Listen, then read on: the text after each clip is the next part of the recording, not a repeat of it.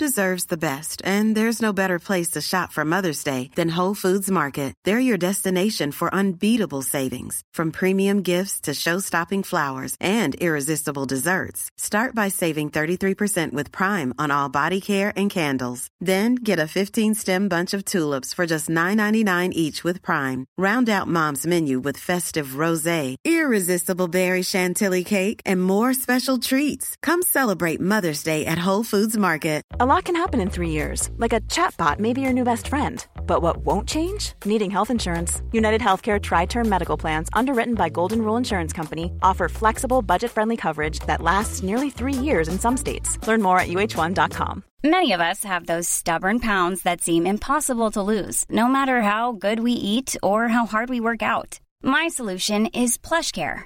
PlushCare is a leading telehealth provider with doctors who are there for you day and night to partner with you in your weight loss journey. They can prescribe FDA-approved weight loss medications like Wagovi and Zepbound for those who qualify. Plus, they accept most insurance plans. To get started, visit plushcare.com slash weight loss. That's plushcare.com slash weight loss.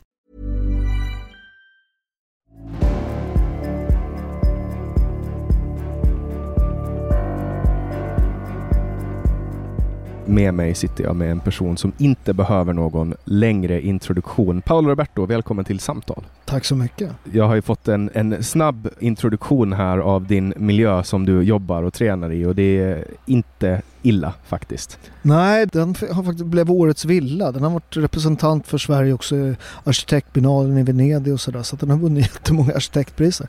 Jag har, det var faktiskt min idé och sånt där. Det, jag vet inte om du känner till euroområdet i Rom? Nej. Det, det, det är ett fantastiskt område som byggs då av Mussolini. Eh, han har ju byggt alla eh, tågstationer. Så det, man kan tänka sig det är ett romerskt tempel fast lite fyrkantigt kan man säga. Så Ja, det är inspirerat från det. Och, men det var du som beställde bygget eller? Ja, ja visst. Ja. Och, Eller Europalatset är inspirationen. Det, och man ser det faktiskt när man åker, inte området, utan Europalatset det. Det, det, ligger, om man, om man Leonardo da Vinci-flygplatsen, när man åker därifrån så ser man en, ett höghus med, det är jävligt coolt liksom. Mm. Eh, och det är inspirationen. Men det är här du sitter och... det, här, det här är ju lite fantastiskt miljö ju. Det var en, en bil med ungdomar som körde förbi. Nej, det var byggarbetare. Det var byggarbetare, ja det var byggarbetare. Jag tolkar som att det var en bil med ungdomar. Nej men byggarbetare som ropar Paolo och vi- vifta. Eh, du är en ganska känd person. Ja, det Och de flesta människor, alltså så här, jag, har, jag tror jag har tre beröringspunkter med dig från min barndom.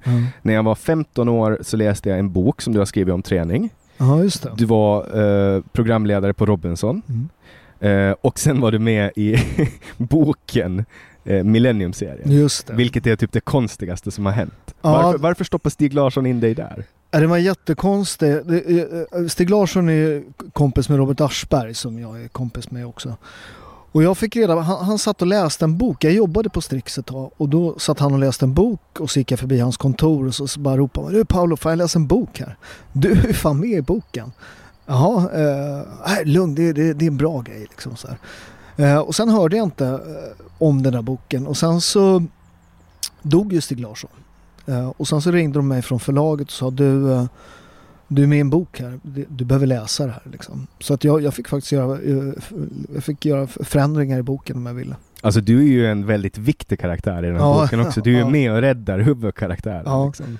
Nej men det, det, det jag, var, jag var ju en superkontroversiell, eller det är jag tillbaka till idag, men, men innan det var jag ju väldigt kontroversiell liksom. Så det händer rätt mycket saker där i mitt liksom, sådär, min offentlighetsbilden av mig. Det, det är boken som kommer först. Sen slutade jag boxa och jag skrev en kokbok som säljer något enormt mycket som heter Mina fastrars mat som vinner massa priser. Och sen så är jag med i Let's Dance. och sen började jag jobba på TV4. Så det, det är mycket, det händer bara några år där. Att jag går från den här jävligt stöddiga proffsboxaren liksom. Med den här stor, stora käften till ett uh, folklig typ liksom. Och de som är äldre än mig, de känner till dig från Stockholmsnatt Mm. och andra filmer. Boxningen mycket, folk som är äldre. Ja. Ja, och du har ju också satt Åland på kartan för du har vunnit en match och förlorat en match på Åland. Jag har gjort mina två, min bästa titelfight och min sämsta titelfight på Åland. Eh, jag mötte eh, den sydamerikanska mästaren Lujan Bejarano och tog WBCs interkontinentala titel där. En, som blev en 12 ronders, eh, alltså riktigt blodbad. Eh, Tidning Boxning har utnämnt det till en av de tre hårdaste fighterna i svensk boxningshistoria. Det, det är min bästa fight. Det, och han, och det, är it takes two to tango. Eh, och alla ära till Sebastian Lujan. Jävlar vilken tuffing. Jag slog ner honom i första ronden han kom upp och bara var argare. slog sig 12 ronder till. Och sen blev jag knockad och blev av med min titel på Åland. Du vet att sossarna i Mariehamn Mm. eh, efter din match ville förbjuda proffsboxning i, i stans lokaler och Det- jag tror att de lyckades ett Det är tag. klart sossarna ville det. Det är så här, nej men två människor som frivilligt slår, slår på varandra får inte göra det för att Nej. vi tycker inte om det. Nej men det där, det, det där har ju inte du, alltså det, det har ju varit, det, när jag boxade var det förbjudet i Sverige. Det var, det, det, det, det var ju förbjudet i fem länder på den tiden. Det var Sverige, Norge, Island, Kuba, Nordkorea och Iran. Så att vi var i fint sällskap där. Så, så att Alla socialistiska. Ja, men du vet. Ja. Så, så, så att det, det är ju Sveriges tradition och det, det är också den här Boxningen är ju väldigt, väldigt eh, populär bland arbetarklassen. Eh, men, men eh, ses mot den, den politiska eliten. Eh, vårt frälse inom media ses den ofta med lite ryn- rynkad näsa. Men vad är det som är så hotfullt? Det är ju frivilligt liksom. Ja, men jag, jag, jag, jag debatterade ju, jag kan säga att jag är en av anledningarna till att det blev, blev förbjudet. Jag, jag, jag debatterar eh, det där med Martin Ingvars massvis med. Jag kan säga att jag har inte förlorat en enda debatt, det är bara att googla får ni se. Eh, för, för att argumentationen är, är man hamnar alltid i samma typ av eh, argumentation. De börjar då och så säger de proffsboxning är farligt. Eh, och det, har jag, det, det, har jag, det, det, det är korrekt. Det är en väldigt, väldigt farlig sport. Men då finns det sporter som är farligare. Det är det intressanta som är tillåtna i Sverige. Och då byter de gärna argumentationen. Eh, utan då säger de så här, oh, fast det, det, det är fel att slå en annan människa. Det är fel. Ja men då, då, då pratar vi inte längre om att det är farligt utan vi pratar om moral. Mm. Och ska vi verkligen ha morallagar i Sverige? Vilket vi har. Men, men, men är det verkligen bra i en demokrati att man har det? Eh, för att det är därför det är förbjudet i Iran. Va? Det är därför det är förbjudet på Kuba. Det är moraliskt fel. Sådär. Och jag måste ju själv få bestämma eh, vad jag vill göra med min kropp. Va? Och, och, och så här, du vet, det är alltid så här när, när de gör jämf jämförelsen. Ja men det, de gör alltid så här, ska du bli akademiker eller proffsboxare? Det är inte riktigt alternativen för killar som håller på med det här. Ja, de säger ju också att du blir dum i huvudet av att boxas. Ja men det, det finns en, en, en, en 10% ökad risk för demens och vi har, jag, jag känner folk som har skador från boxning så det är ingenting Alltså det, det stämmer och det är farligt men ofta är alternativet värre för många av de här killarna. Det är liksom boxning eller kniv i ryggen. För mig var det så. Har, har du några skador från boxningen? Förutom de blodiga knogarna du sitter med nu. en bucklig näsa, eh, nej ingenting. Det, det är ju en rätt skonsam, skonsam sport för kroppen. Det enda som är farligt är hjärnan liksom. Det, det, och det är ju Punellista dementia heter det, punch drunk syndrome. Eh, och det första som händer, eh, det är talmotoriken. Du kan höra på folk. Mike Tyson typ. Ja, ja, men Mike Tyson är ju förvånansvärd. Han är svår, jag har svårt att säga eh, där. För han, när man hör intervjuer med honom kan han låta fullständigt galen i, i liksom tio minuter. Och sen så kan han komma, liksom, han kan referera liksom från Iliaden nästa. Liksom. Han och Boris Johnson. Ja, har du hört den? den är, det är folk som säger att han är har du, läst, när- har du hört när Alltså, han läser Iliaden på han, kan, han gammelgrenska? kan recitera hela. He, på, och det, du vet grejen så jag har en kompis som läser till prä- en av mina PT-kunder läser till präst. Och Jag kan säga när han läste grammelgrekiska, ha- han är, han är en av, fan, är tre präster i Stockholm som, som har fått läsa vidare för att bli präst. Alltså han höll på han höll på att ta livet av sig. Han bara så här, det är helt, det är fan det sjukaste, det är så jävla ologiskt och sådär. Han kan recitera Iliaden. Mm. Där, den är, jag tycker han är fantastisk. Alltså, Han håller ju på att bli en ny Winston Churchill. Såg du bilden när han gick bredvid Magdalena Andersson med Ja. händerna bakom ryggen? Ja, ja. Man bara fan det där är nästa Winston Churchill. Då blev han ju helt plötsligt en hjälte. Från att ha lett Storbritannien ut från EUs eh, totalitära klor Eh, så bara helt plötsligt så, ja men nu får han åka roddbåt med Magdalena Andersson. Ja, men där, tror- där är inte du och jag riktigt. Jag, jag, jag, jag, jag tycker EU har massvis med dumma idéer. Men, men frihandelsavtal ska vi ha. Vi ska ändra EU men vi ska ändra det inifrån. Ja men EU kan, man kan ju ha frihandel utan EU. Ab- absolut, men, men jag, jag, jag, tror på EU-tanken faktiskt. Eh, eh, jag tror det är bra, men, men sen funkar det inte under de former vi har idag. De har alldeles för mycket makt. Eh, de ska syssla med handel, ingenting annat. Men du, har du läst om fågeldirektivet? Hur det funkar? Nej, Alltså det, det här är så Det var- ja, men alltså De som lider mest av EU, det är ju de som bor ute på landsbygden eller i skärgården. Jaha, är det, här, är det här när de ska räkna fåglar? Ja, ja, ja. Du, får liksom, du ska på individnivå gå in så här. De kan, alltså en myndighetsperson Ja. i vilken grad som helst kan hindra vad som helst genom att påpeka att det finns fåglar där. Ja. Och, och det är samma sak med vet, jordbruket. Folk går på knäna, ingen vill producera mat. Men fan ska laga maten som vi Mm. äter? EU håller på. Och det är det som får mig att vilja torpedera ner hela... Men, det, men, men det, hela jordbruksgrejen kan jag säga. Jag, jag, äger, jag är jordbrukare också. Jag, Mm. äger, jag är italiensk jordbrukare. eh, och äger, äger mark och företag. Jag tänker på typ eh, Michael Corleone i andra filmen när han är nere och, Ja, och på Sicilien. ja, det här är Neapel utanför, uppe i bergen. Nej, men så, så att jag, jag äger mark, rätt mycket mark och producerar egen olivolja och allt sånt där. Eh, så, så att eh, skillnaden på svenska staten och den italienska, jag har ju kompisar som är jordbrukare här, när de, när de alltså bara sätter käppar i hjulen, Mm. Miljöpartiet och alla de här, de är ju helt galna. Va? Eh, eh, Medan i Italien har man ju otroligt mycket hjälp alltså. Eh, speciellt nu under eh, hela covid-grejen här hade ju jordbruken i södra Italien hade jättemycket hjälp. Så, så att, sen är Italien har ju sina andra problem eh, och är fullkomligt galet på ett annat sätt och korrupt och sådär. Men Sverige är ju också korrupt skulle jag säga. Ja, så här måste man eh, be om tillstånd för att producera av människor som inte producerar någonting. Nej. Och de ska sitta och bestämma, de förstår inte. Alltså så här, du skulle kunna ta en sån administratör och lägga ut dem på ett fält, de skulle inte ha någon aning om vad de ska göra. Eller sätta dem nära ett djur, de skulle inte veta hur de ska bete sig. Men det, det är ett stort problem med, med Sverige att vi har en alldeles för stor... Eh, alltså vi har utbildat massa människor på universitet i massa saker som inte har någon praktisk betydelse. Eh, genusvetare och så vidare och så vidare. Sen måste de ha jobb. Och det, det, problemet med det här är att det är en icke-produktiv del av samhället. Där man då, det, det, jag brukar kalla det för eh, det genusindustriella komplexet. Att man utbildar folk eh, och så går alla politiker och alla de går på samma skola och lär sig samma sak. Eh, och sen så skapar man tjänster. Va? Det- det är därför Sverige har en sån enorm byråkratisk, liksom, eh, eh alltså vi har ju sån övervikt på liksom den typen av jobb medan vi egentligen skulle liksom ta bort dem och eh, ägna oss åt att sänka skatter och ta bort regler för företagare. va? Men då skulle man ju få massa arbetslösa genusvetare. Vad fan ska man använda dem till? Ja, det vet du. Du kan plocka lingon. Nej, absolut. Nej, men så, absolut. Alltså, grejen är så min, min exfru är genusvetare. Eh, min exfru är en fantastisk... Eh, hon har varit VD för mina företag. Idag har hon ett superjobb. Hon är grym. Va? Så genusvetenskap är väl inget problem att man har läst. Liksom. Sen, sen, måste man ju gå igenom Södertörn med, med, med att vara rätt liksom, vaken och förstå grejer. Ja, ja, alltså det, det, Det gäller att sortera va? det finns ju ett stort problem med att man, jag är outbildad journalist. Och jag märker folk som går in, nu har jag hållit på att skriva i tio år.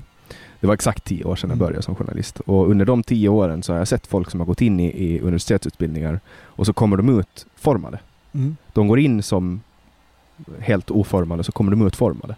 Och då kommer de utformade enligt en modell som någon annan har bestämt. Mm. Det här ska du veta, det här ska du kunna. Varför läser man det här? Varför förstår man det här? Man ger dem en referensram. Mm. Och sen ska de gå runt och tolka världen. Och då gör man ju det på det sättet som man förväntas göra. De tror ju att det är så här man ska göra. Nej men problemet, man kan ju höra ledande folk inom media, men de pratar om att journalister är grindvakter och allt sånt där. Det där är ju en jävligt läskig grej och, det, och där har vi, ju har vi ett stort problem i Sverige. Att de här grindvakterna har ju liksom inte skrivit om de problem, alltså det är som, som, som den här alltså flyktinginvandringen, va? den här stora eh, flyktingkrisen. Va? Där, där, alltså jag, jag var på, på, på Expressens löpsedel när jag sa att vi måste ha en, proble- en plan. Det går inte bara att släppa in folk så här. Det som alla säger idag. Jag var på Då löpsedel. var du rasist. Ja, ja. Nej, men jag, jag, jag, jag skrev på eh, ett Instagram-inlägg där jag skrev att problemet med Trump och Åkesson det är att de har rätt. Men, men, men, men.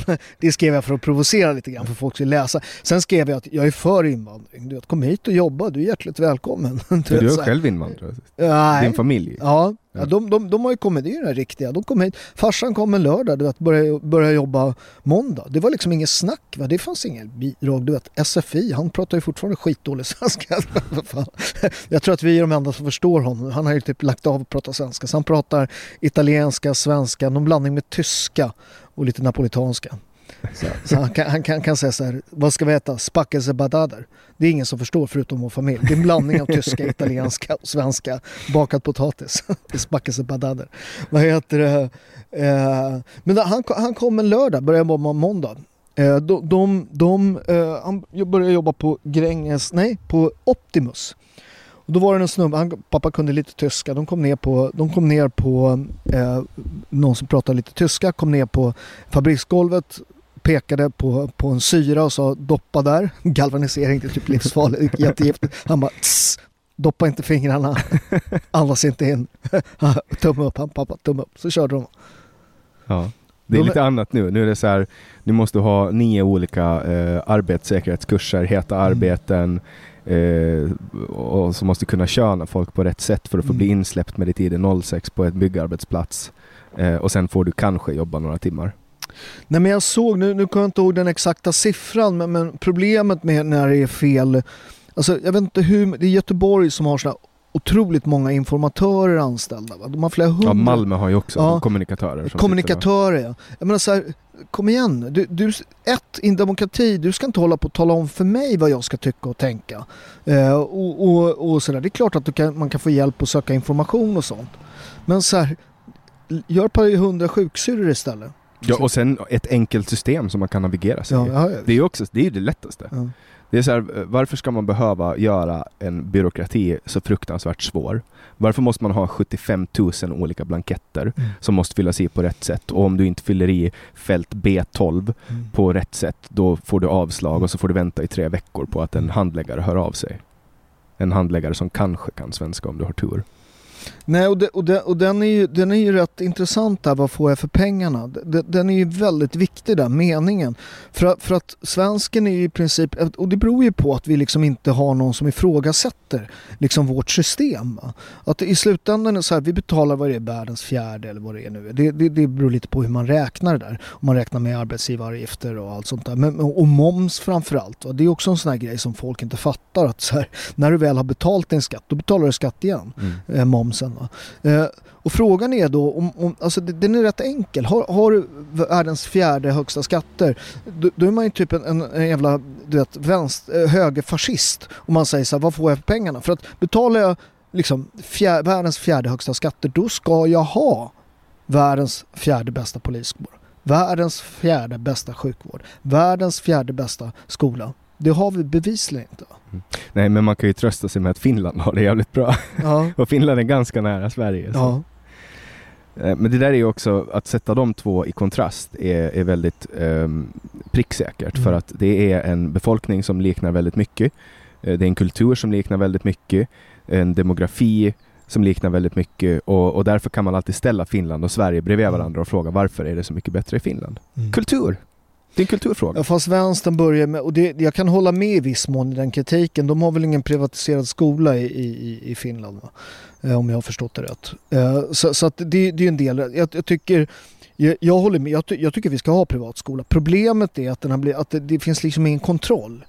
Eh, och det där beror inte på att det finns massa folk som vill tjäna pengar på utan det handlar alltid om politikerna. Om du köper något och så funkar inte det. Ifrågasätt det. Men För- för- upphandling, upphandling blir ju nästan värre. Ja, jo, jo men, men om du tittar, vi köpte här i Stockholm köpte vi något som heter Schoolsoft. Ja, eh, eh, som, som alltså, jag vet inte hur mycket det kostade, ett datasystem som inte funkar. Och, och, och har du köpt något som inte funkar, att det inte är en större skandal att vi har lagt ner så mycket pengar som, som också ett system som påverkar så många människor, att inte folk är mer förbannade, ställer folk till svars och bara säger så här, varför funkar inte det här? Va? Mm. Men det, det sjuka med Schoolsoft-köpet, det var ju att när föräldrarna gjorde det här open, någonting, den Ja. öppna skolplattformen, eh, som var så här open source, och så kopplade de upp det med API på Schoolsoft, då börjar Stockholms stad processa de här föräldrarna för juridiska övertramp. När de skapar ett system som Ja. funkar och var bättre. Ja, det. Då bara börjar de processa dem istället för att bara oj, nu blev det mycket bättre här. Mm. Kanske vi ska omfamna det. Mm. Men det där är såklart, men sen också, det finns ju ingen tjänsteman som någonsin kommer att stå till svars för det. Och det är Nej. därför sådana saker kan hända. För att det Nej, inte finns tjänstemannaansvaret är ju superviktigt. Va? Det är så här, hur kan det komma sig att i privata näringslivet så ska det alltid eh, styrelse och VD få, Mm. få stå ansvariga för det de har gjort, mellan chefer och anställda. Men inom offentlig sektor så, nej, det är inga ansvar. Nej, det är Det, jättekonstigt. och så här, gör du bort dig, så ja men då flyttar vi dig till någon annan avdelning där du Mm. inte kan göra skada, men du får fortfarande lön, får Mm. fortfarande pension. Dan Eliasson. Dan Eliasson. Nej, Dan det är Eliasson. fruktansvärt. Eh, undrar vad han gör idag? Undrar om han är nöjd när han vaknar på morgonen och bara rullar in till sitt påhittade jobb. Ja, du vet, han jobbar ju i Rosenbad. ja. Alltså vad tror du han har för grej på någon i högt uppsatt? Ja, det, där, det är alltid roligt med konspirationsteorier men, men jag, jag brukar, brukar försöka undvika dem. han, måste, ha, han måste ha någon riktigt smaskig bild liksom. Tror du det? Ja. Antagligen. Eller vet, något dokument som han bara viftar med och så kommer någon. Fast det är alltid så här, jag såg, nu kommer jag inte ihåg den, man ska aldrig säga jag läste en undersökning, det är alltid så här jävla dum grej. Men jag såg någon det här med konspirationsteorier. Så här, med, när, när saker är hemliga. Det fanns någon exakt uträkning på, nu, nu är jag bara ute, det, det här får de googla. Men, men, men och, alltså ju mer folk som vet, liksom det fanns ett botemedel på cancer i en sån här Mm. konspirationsteori. Så, så ju mer folk som vet om att det finns ett botemedel från cancer, de kommer börja prata. Mm. Jag menar så här, om din syster får cancer, då kanske du vill berätta för henne, du vet. Och sen så blir hennes mans, du vet, mamma, du vet. Och det, det, det, går inte att hålla saker och ting hemligt. Ju mer, men sen om det är en som har det, då, då går det att hålla hemligt, eller två.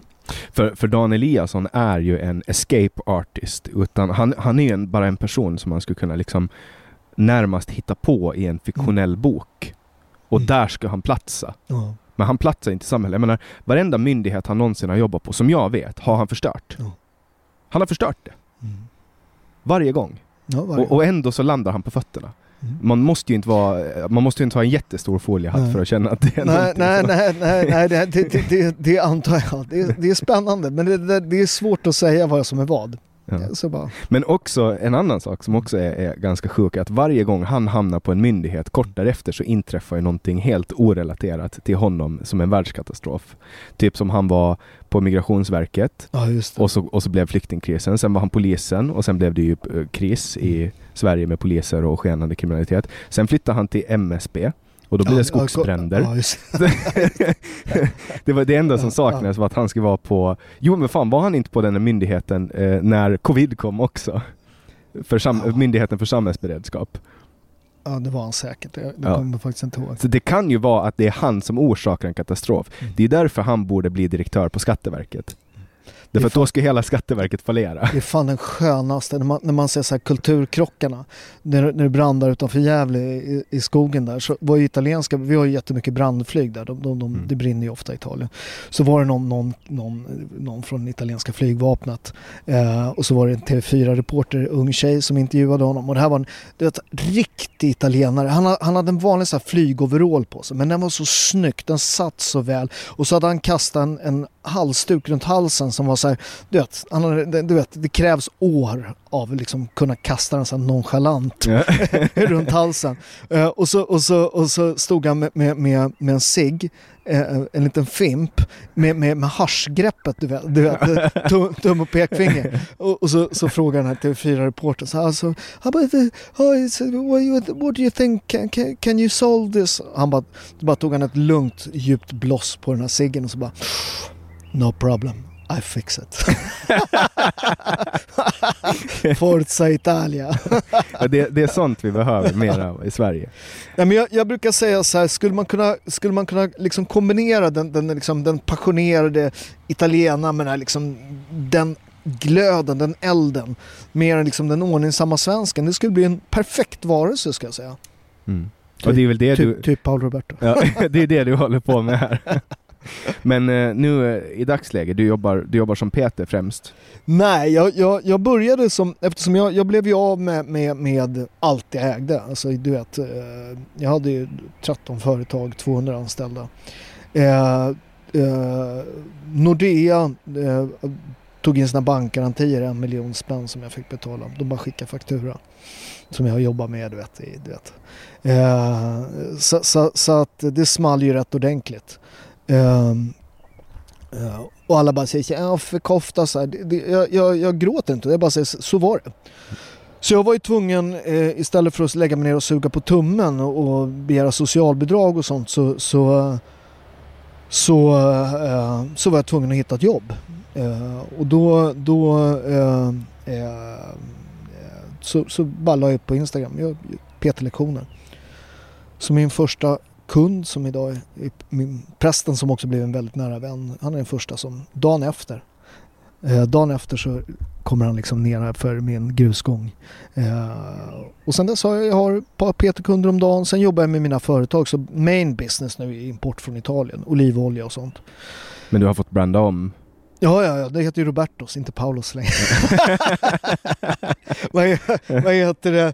Nej men eh, alltså jag, jag, jag, jag la upp en hemsida eh, eh, precis när skörden kom bara en, alltså den var så jävla dålig med, med bara kopplat till, till försäljning och så bara ett lager. Och sen så filmade jag nere och, och skördade oliver. Vad fan, jag tror jag sålde olivolja för en halv miljon där på månad. Liksom. Så, så, så att, uh, uh, och det var början på mitt nystartade. Liksom. Men fick du liksom konka dina andra bolag? Nej, eller? ingenting. Jag betalade allting. Konkade inget. Men det var liksom att alla... Det var precis... De drog in krediten och så ja, bara... Ja, ja, men, och så att du, fick, du skulle inte klara likviditeten? Ja, ja, liksom. men du vet i företag, du vet om man bygger stora, jag hade ju fyra restauranger. Om man bygger stora eh, restauranger så, så det är inget att ha råd, det kostar 20 miljoner att bygga, det är inget att ha råd med själv. Eh, så att där har man ju lån då. Eh, och sen så kom ju det i samband med det här kom ju coronakrisen och du vet centrala Stockholm stängde ju igen. Va? Så vi fick enorma likviditetsproblem. Va? Just det, men då, då fick du bara... Du fick starta om helt enkelt. Samma verksamhet men du fick starta om den. Tömde alla konton. Ja. Allt jag jobbar med. Alltså, den, den dagen du insåg att nu, nu är det liksom, nu är pengarna borta. Hur? Nej men det var rätt skönt för jag, jag, behövde inte sälja huset. Jag hade, jag hade precis råd att inte sälja huset. Men hur, alltså jag menar det du har jobbat på och byggt upp och det bara försvinner. Alltså den känslan. Ja, men jag, jag är katolik eh, först och främst. Eh, men sen är jag också stoicist. Alltså jag, jag, jag är stoiker. Och, och, vi stoiker vi går ju upp varje morgon och mediterar över vad som kan gå åt helvete. det är en del av vår, eh, vår meditation. Eh, Cyniker? Ja, nej. Utan, utan grejen är sen när man mediterar på kvällen så, så gick det inte åt helvete. Men man är förberedd. Uh -huh. Eh, och jag har alltid funderat när jag byggde de här företagen och hade liksom massa anställda och det bara sprutade in pengar. Eh, jag tänkte så här, skulle jag som 50-åring ha kraften och börja om? Jag menar om jag står i kallingarna där, har jag, har jag så det, det har varit en del i min liksom, morgonmeditation så här, och, och alltid vara förberedd på allting. Så, så att eh, ja, det är klart att det var, det var sjukt jobbigt och sånt där men, men ja jag har ju varit med om mediedrev. Ja. Inte ens i närheten av det du har varit Nej. med om, men alltså när drevet går, det går, alltså så här, jag har pratat med andra som har varit med om det går typ inte att förklara den känslan. Man Nej. blir som, det är som att ha en alltså gelé runt skallen. Ja. Och allting bara går långsamt och är jättekonstigt. när insåg du att, att det var över? Nej, det har inte riktigt släppt. Det är fortfarande, skulle något dyka upp nu så skulle det, det, det flammar ju upp med jämna mellanrum liksom. Eh, det, det, drog ju gott, de satte igång här när jag sa att jag skulle rösta på Med.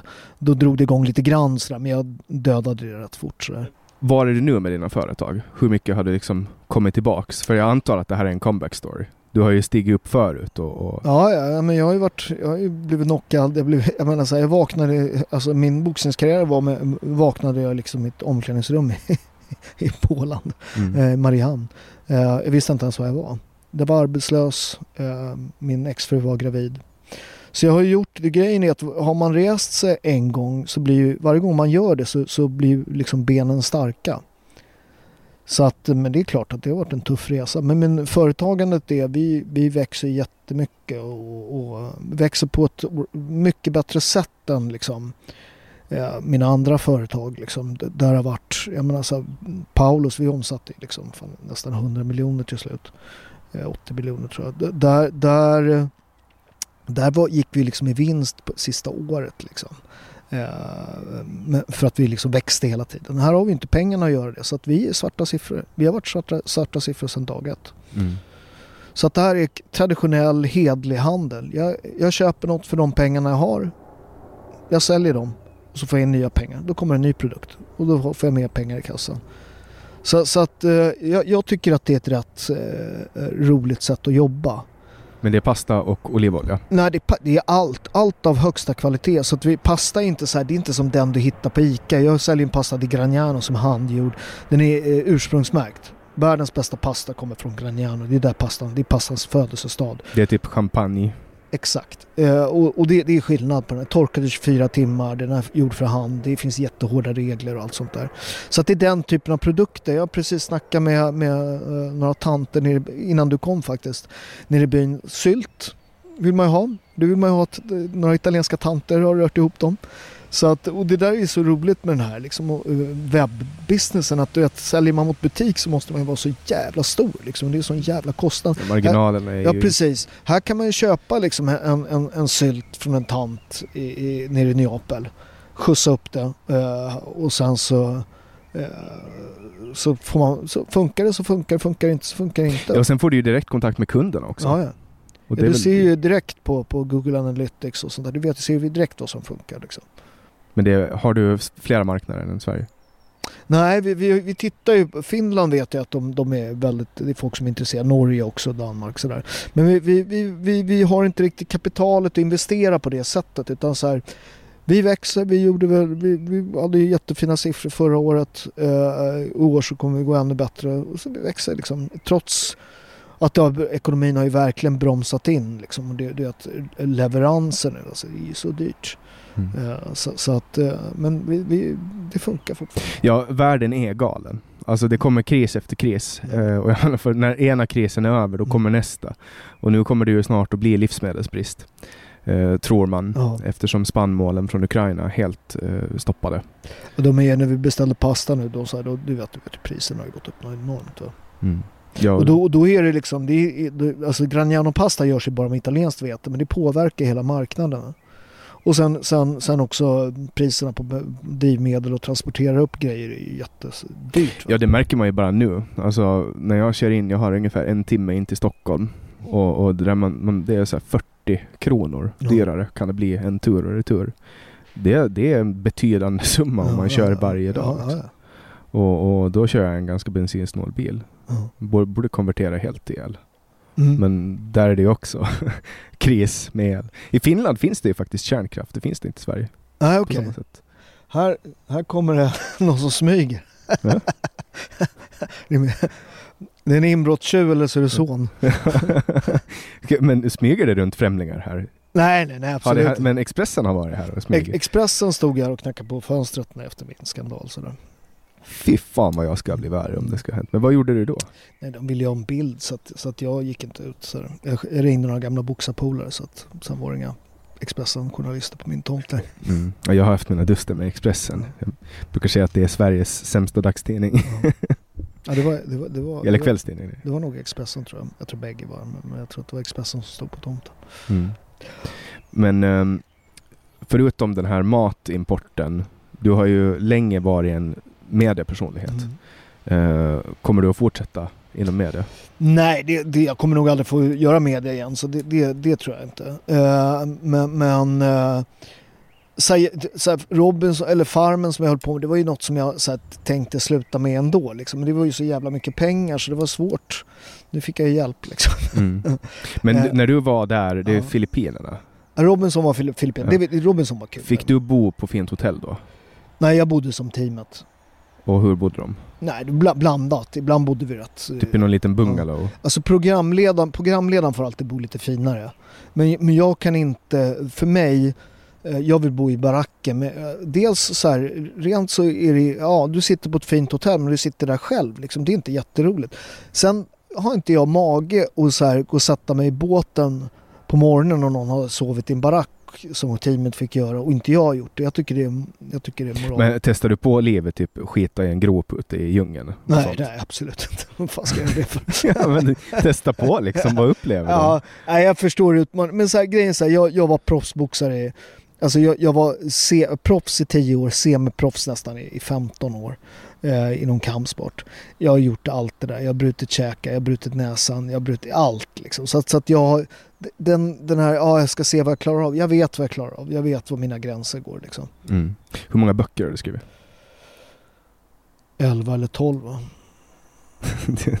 alltså du, hur kan man hinna, hinna med så mycket på de här åren? Mm. Du har varit verksam sedan var 1987. Den, den, den som du har, den 15 med Paolo, det är Sveriges mest sålda träningsbok. Ja.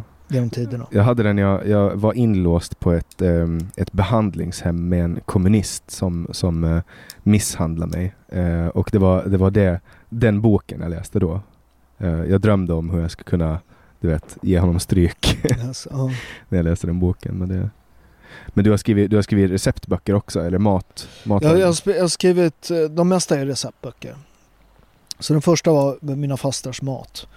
Som har sålt, eh, vad kan ha sålt? 150-200 000 ex. Eh, och det har ju den här 15 med Pavlo också gjort.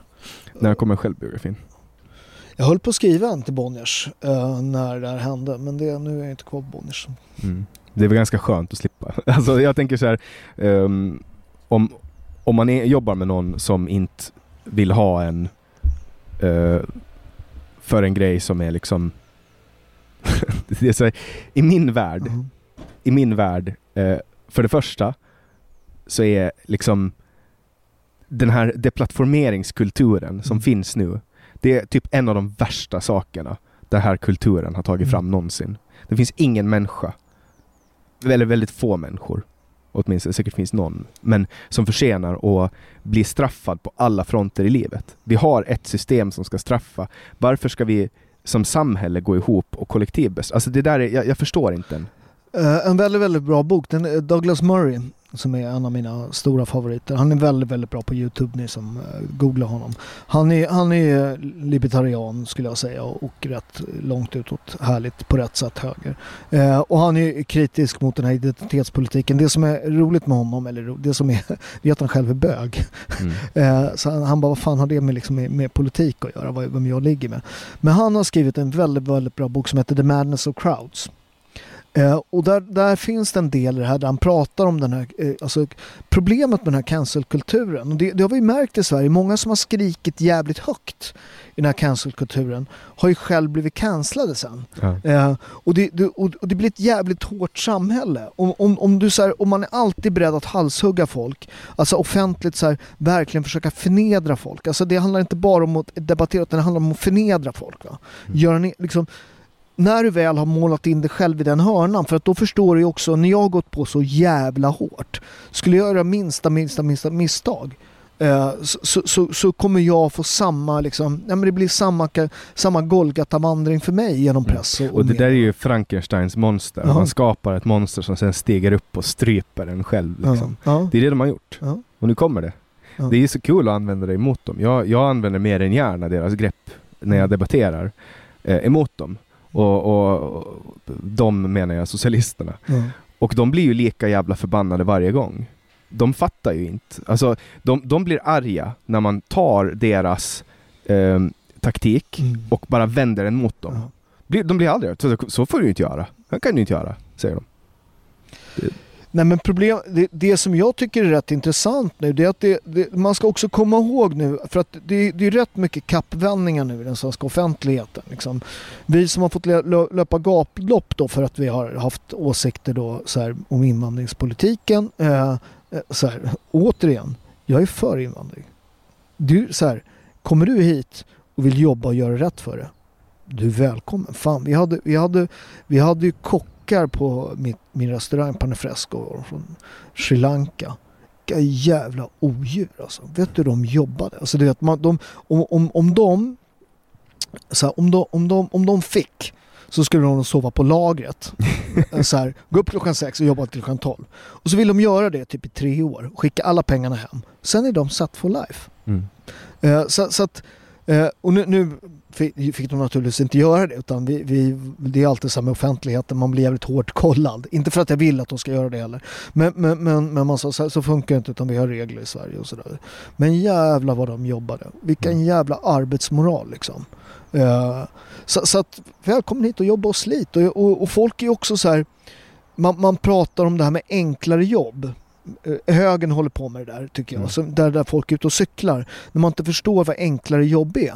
Som till exempel där plocka lingon säger de. Det är ett enklare jobb. Varför gör inte folk det? Nej, Mm. det är inte ett dugg. Det jobbet är inte ett dugg enkelt Men någonstans. stå och knäcka sin rygg i en varm Nej, skog. Fan. Nej, Men så här, grejen är så här, jag, jag plockar ju oliver två veckor om året.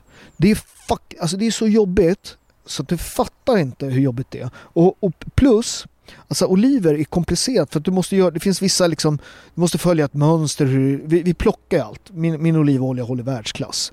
Eh, och det, det, nu blir det lite reklamfilm. Nej men kör Eh, på.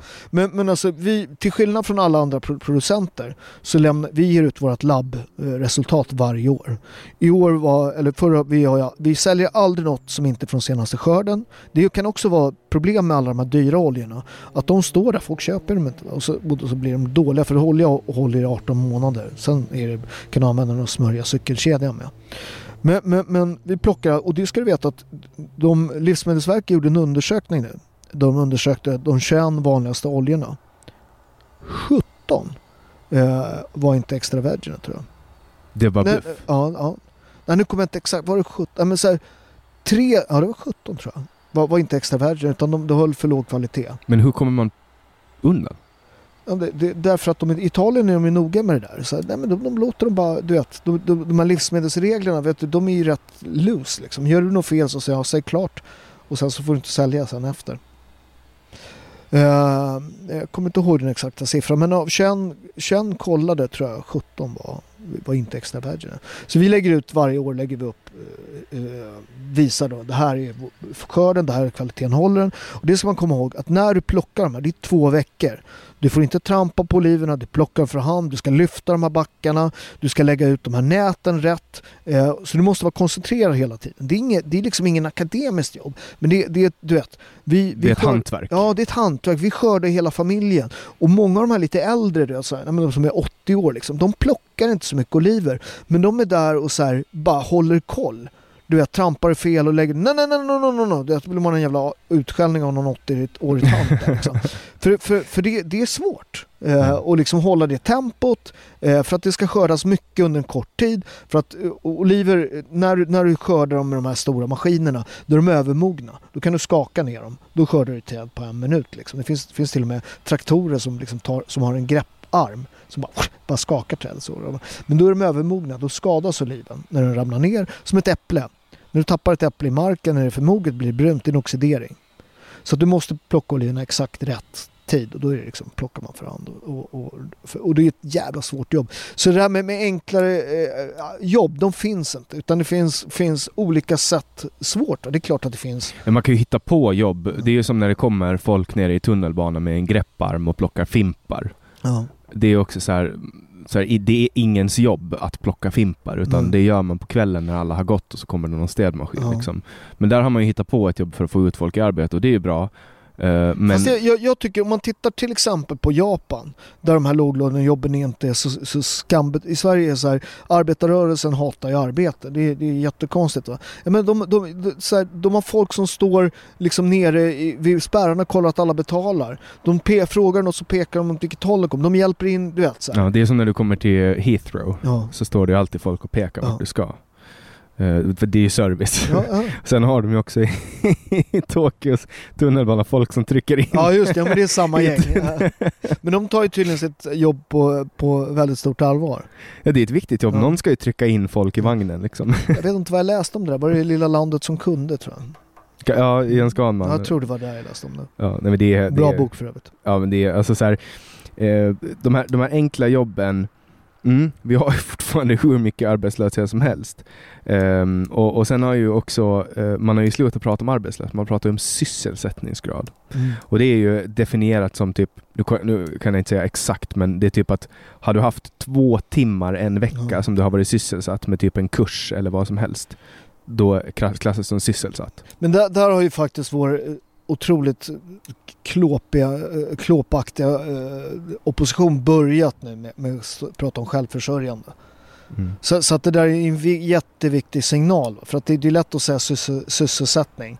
Men har de råd att betala sin hyra och sånt? Mm. Så att det, det, är en jätteviktig debatt. Alltså, du vet, så här, debatt. Men och, det finns ingen opposition i Sverige nej, längre. Vad fan håller de på med? Nej. Varför släpper de upp en sosseregering? Mm. När de ska vara borgerliga. Mm. De står och säger att de är borgerliga. Nej men, men, men, men så här, det är som nu. Titta, titta nu. Uh, som, som, som är, jag menar, alltså man pratar demokrati. Du har alltså en, en socialistisk regering eh, som sitter, minoritetsregering, som regerar på en borgerlig budget. Men, men, Vilken socialistisk regering vill nej, men, men, sen, nej, men sen, vad har du röstat på? In, alltså, alltså, 100% av alla som har röstat i Sverige får, förstår, får inte vad de har röstat nej, på. Nej, precis. Och, det där är så här, och så ska man, pratar man om demokrati liksom. Men det är ju det svenska sättet. Så här, ja. ja. men ingen ska få det de vill ha. Nej. Vi kan inte komma överens nu, ja, men ingen får det de vill ha. Men de, de, som sitter där får det de vill ha. Mm. För att jag tror att Ulf Kristersson och gänget tänker att, eller då i alla fall under uh, JÖK-bildningen, mm. så tänkte man att ja, men, vi låter dem förstöra Sverige lite till och så kommer folk att rösta på oss sen. Vänta, vänta, jag ska bara skrika på ja. så, son. Enzo! Enzucho! Ma, ma, mangiato? Han ska sparra sen.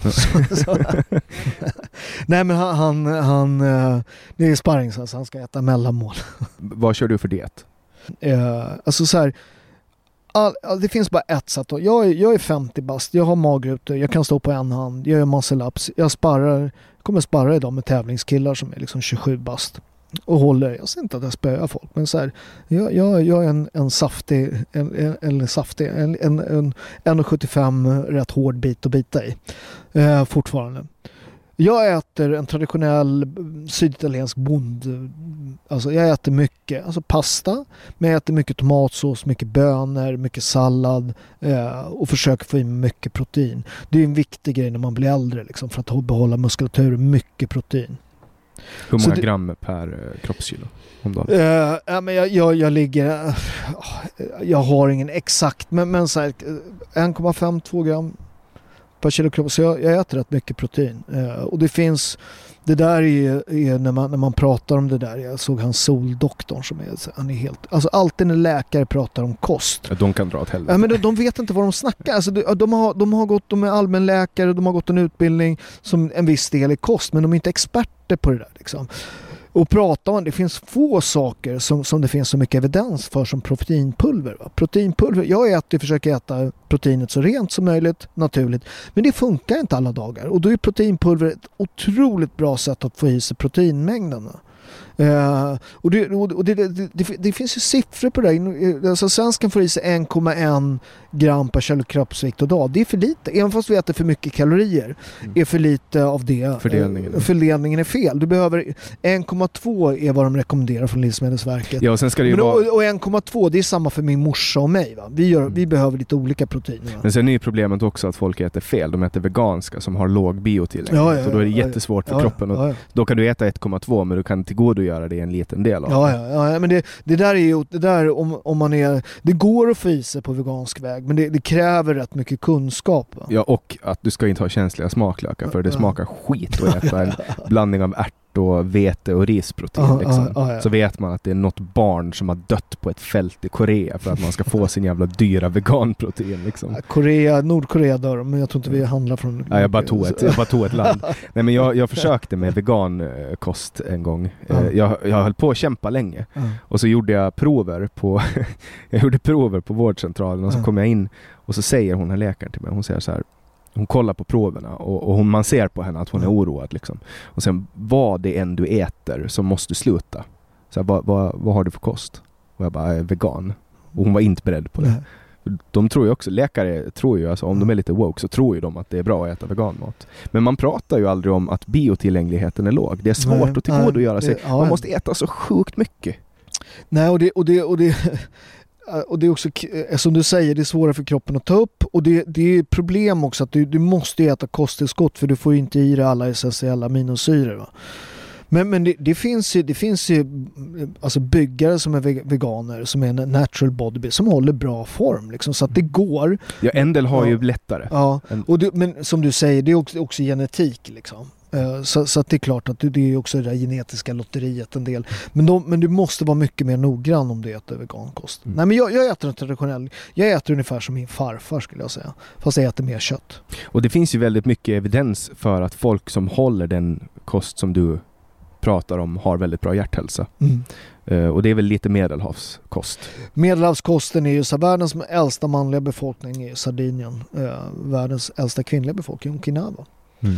Men, men det, det, där är också, det är också en del med det där att, att uh, det handlar ju, i alla de här, de kallar ju, kallas ju blå zoner där folk blir väldigt gamla. det är ju inte, de äter olika och allt sånt De äter måttligt. Men framförallt så är de, har de starka sociala nätverk. Exakt, kultur. Och när man också pratar i Sverige, vilket man, vilket, vilket man inte pratar om.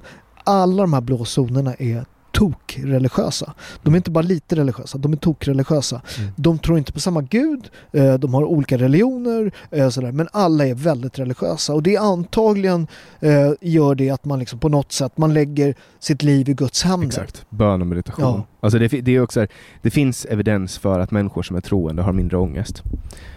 och det finns evidens för att meditation är väldigt bra.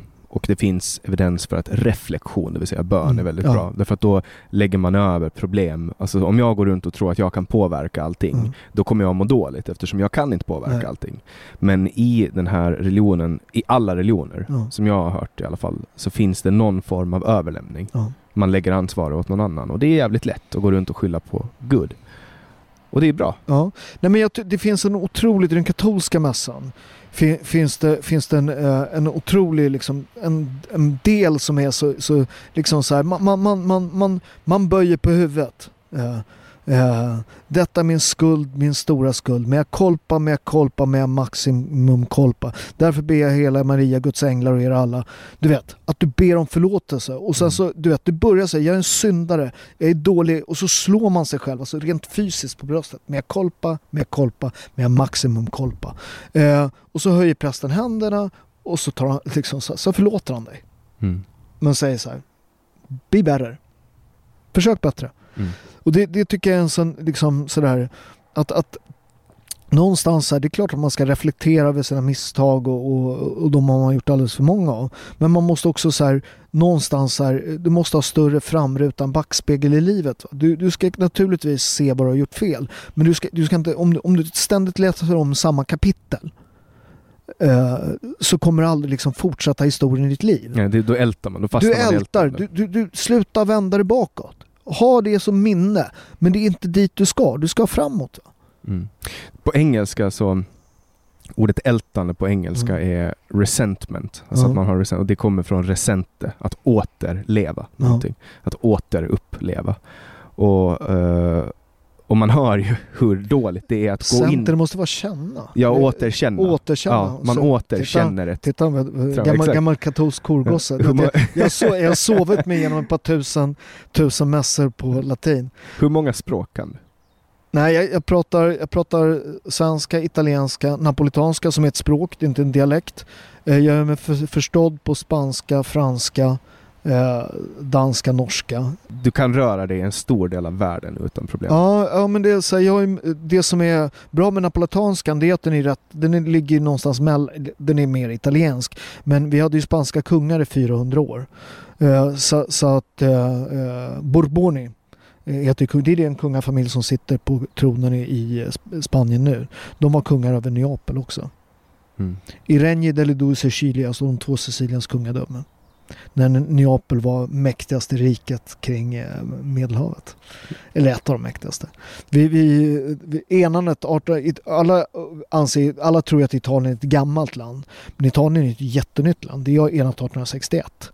Ja, Napoleon var ju där och härjade. Ja, men det är innan. Mm. Ja, han var där ja. i, runt 1700 eh, och, precis efter franska revolutionen. Ja, och han är rätt viktig i den italienska eh, renascita, alltså återfödelsen. Eh, för, för att han har en armé som är italiensk. Mm.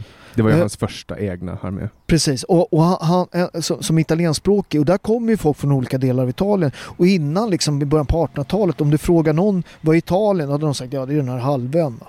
Eh, men, men, men eh, i det föds, börjar det här, men fan vi pratar samma språk här och vi kan slåss. Mm. För att det var en väldigt effektiv armé.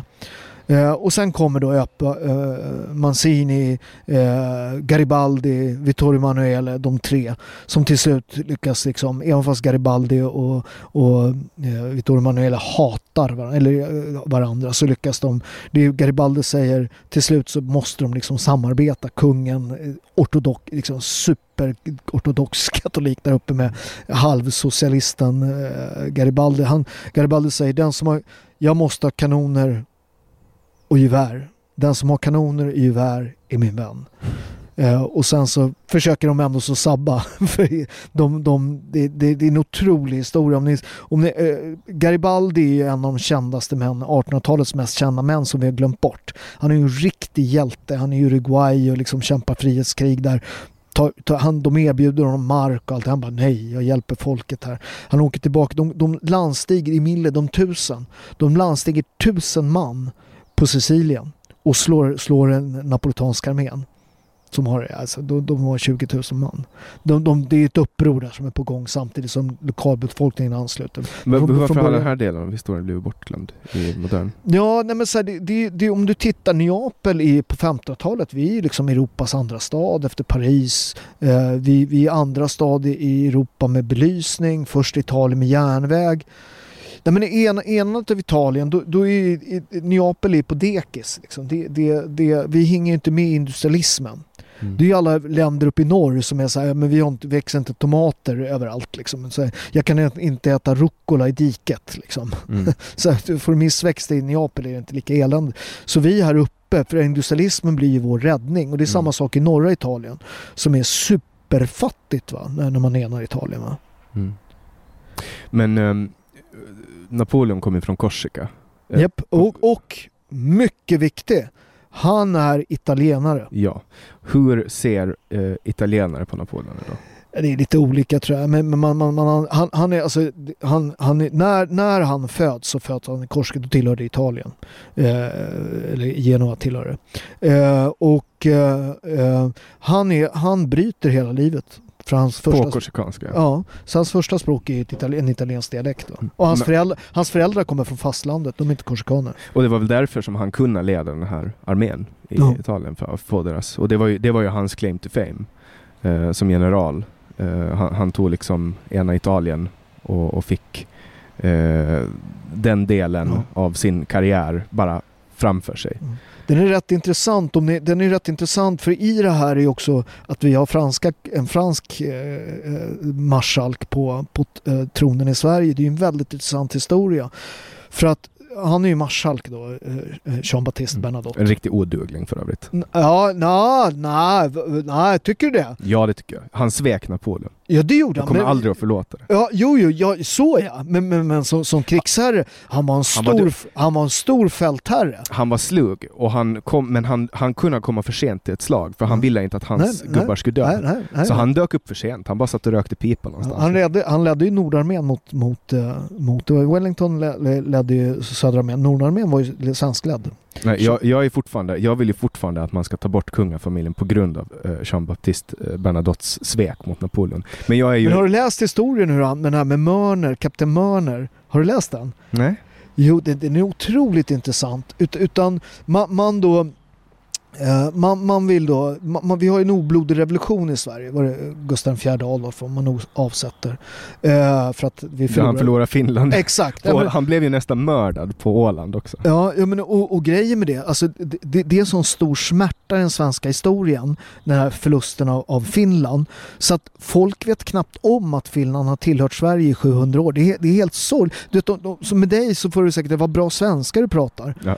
Eller hur? Det hörde du. Det hörde, Man bara, Konstigt, det är mitt första, det är enda språk jag kan. Ja, precis. Det, du, man bara, det, det, jag, jag brukar alltid säga det är den vackraste av alla svenska dialekter. Eh, Den är ju väldigt vacker, finlandssvenskan. Tack. Skulle jag säga. Ja, men väldigt vacker. Eh, och ni, ni, ni, språket är renare tycker jag. Att man, man har hållit svenskan. Men det är bara för att du inte hör mig svära nu. Vi ser Nej, ju, vi ser, på Åland så är vi fittan hela tiden. gör ni? Ja, och så säger Mm. vi att om någonting är bra så säger vi fittigt fint. Så vi har ju den här fula bondtungan också. Okej. Men han, han Mörner, man, man, då, man vill då att en, när man avsatt honom så vill, man att en, en dansk kronprins då ska bli... bli, bli Just det, och det är ju han som dör. Just det, han, och trillar, han, han trillar av en häst. Han fick och hjärtinfarkt. Ja, och då är den här Mörner nere i Frankrike. Så han på eget bevåg så säger äh, fan, armén vill ju ha en, en, en, eh, en då, krigare för att ta tillbaka Finland. Eh, Så han åker på eget bevåg och frågar Jean-Baptiste Bernadotte. Eh, Så det är vid riksdagen i Örebro han blir, blir, man väljer honom. Och då, då är ju adeln emot för han har inte, han har inte blått blod utan hans, hans pappa är väl advokat eller skrivare eller någonting. Han är inte blåblodig. Men då, då tar de in ett porträtt på Jean-Baptiste Bernadotte stregandes på en häst, det vill säga han kommer inte tillbaka Finland. Och jag tror han erbjuder, jag kommer inte, inte riktigt säker på det, men jag tror han erbjuder sig att betala den svenska statsskulden. Ja, han betalar ju, han gjorde ju det. Mm. Och det får ju Men Sverige. gjorde han det? Eh, Ja, alltså Sverige, står, säker- Sverige står ju fortfarande i skuld till... Jag tror inte man har betalat tillbaka det. Jag har för mig att han inte betalade allt. Va? Ja, det Han vet. tog inte Finland och eh, han tog Norge däremot. Eller han besegrade ju Danmark. han trivdes inte bra i Sverige. Nej. Det gjorde han inte och det förstår jag. Jag menar, han är ju van att glassa runt på Riverian och få Mm. all den här fina maten. Får han äta sill och... Eller jag vet inte vad man åt på den tiden. För, för, för den balla grejen, på den gamla enkronan fanns en liten, en liten eh, bro.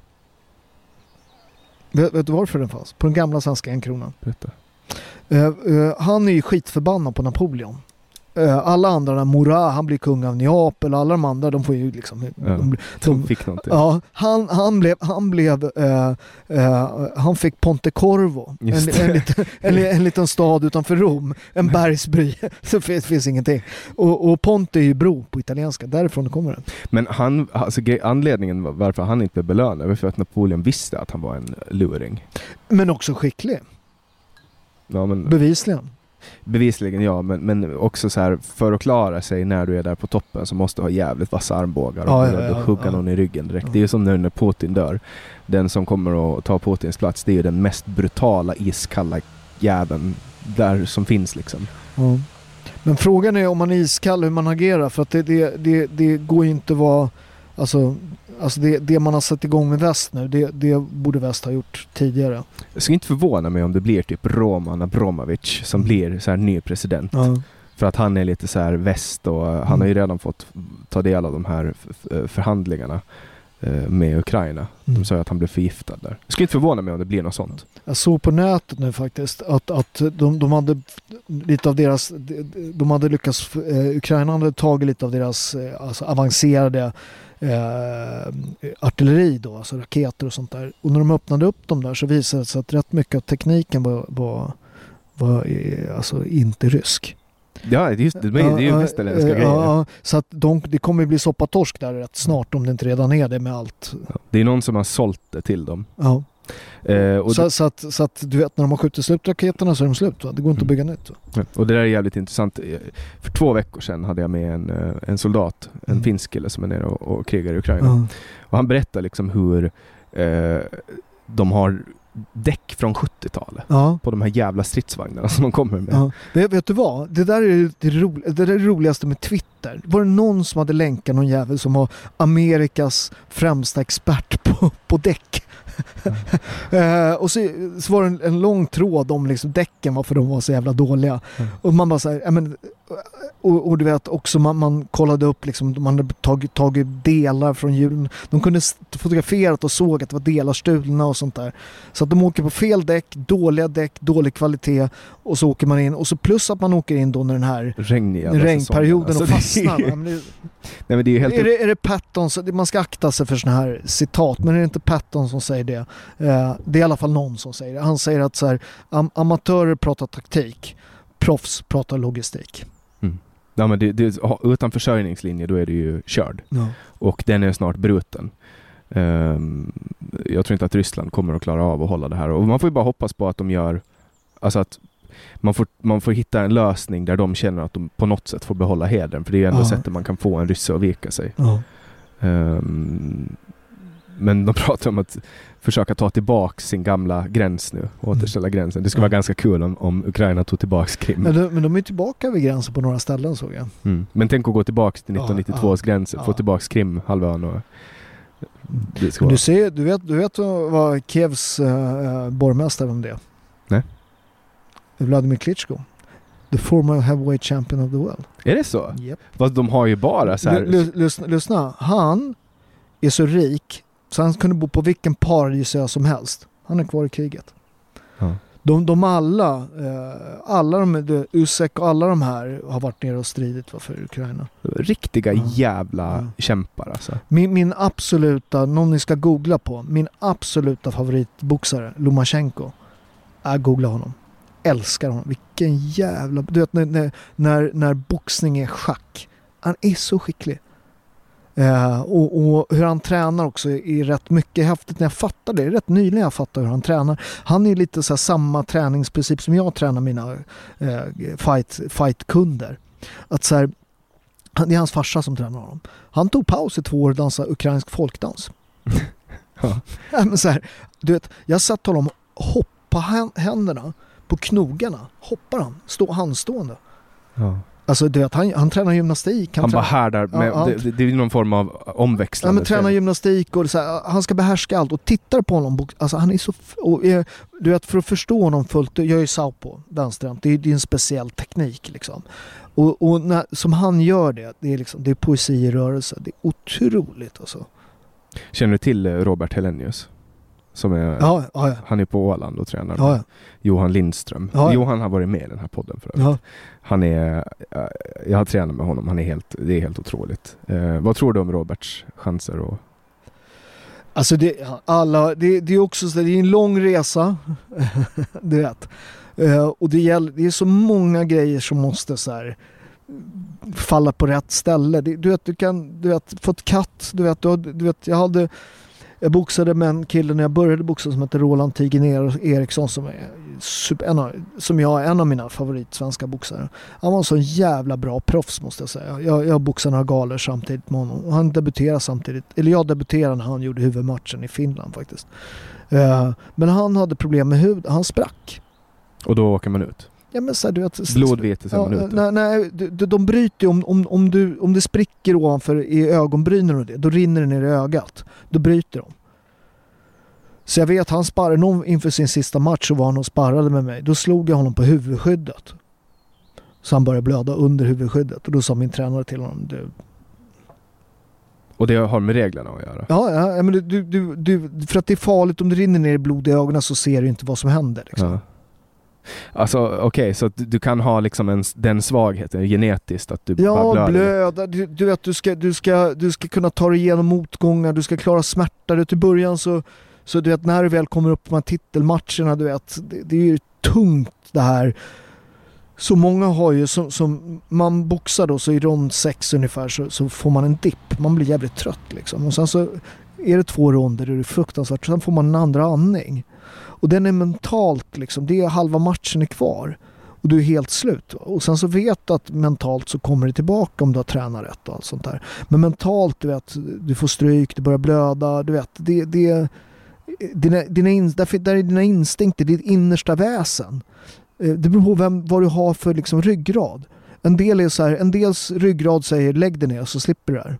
Mm. En del säger så här, det finns inte. Nej, men som jag, jag, jag förlorade min match, min sista match. Jag blev utburen. Jag var knockad på Var riktigt. det, var det skamfullt? Eller var det bara okej nu är det över?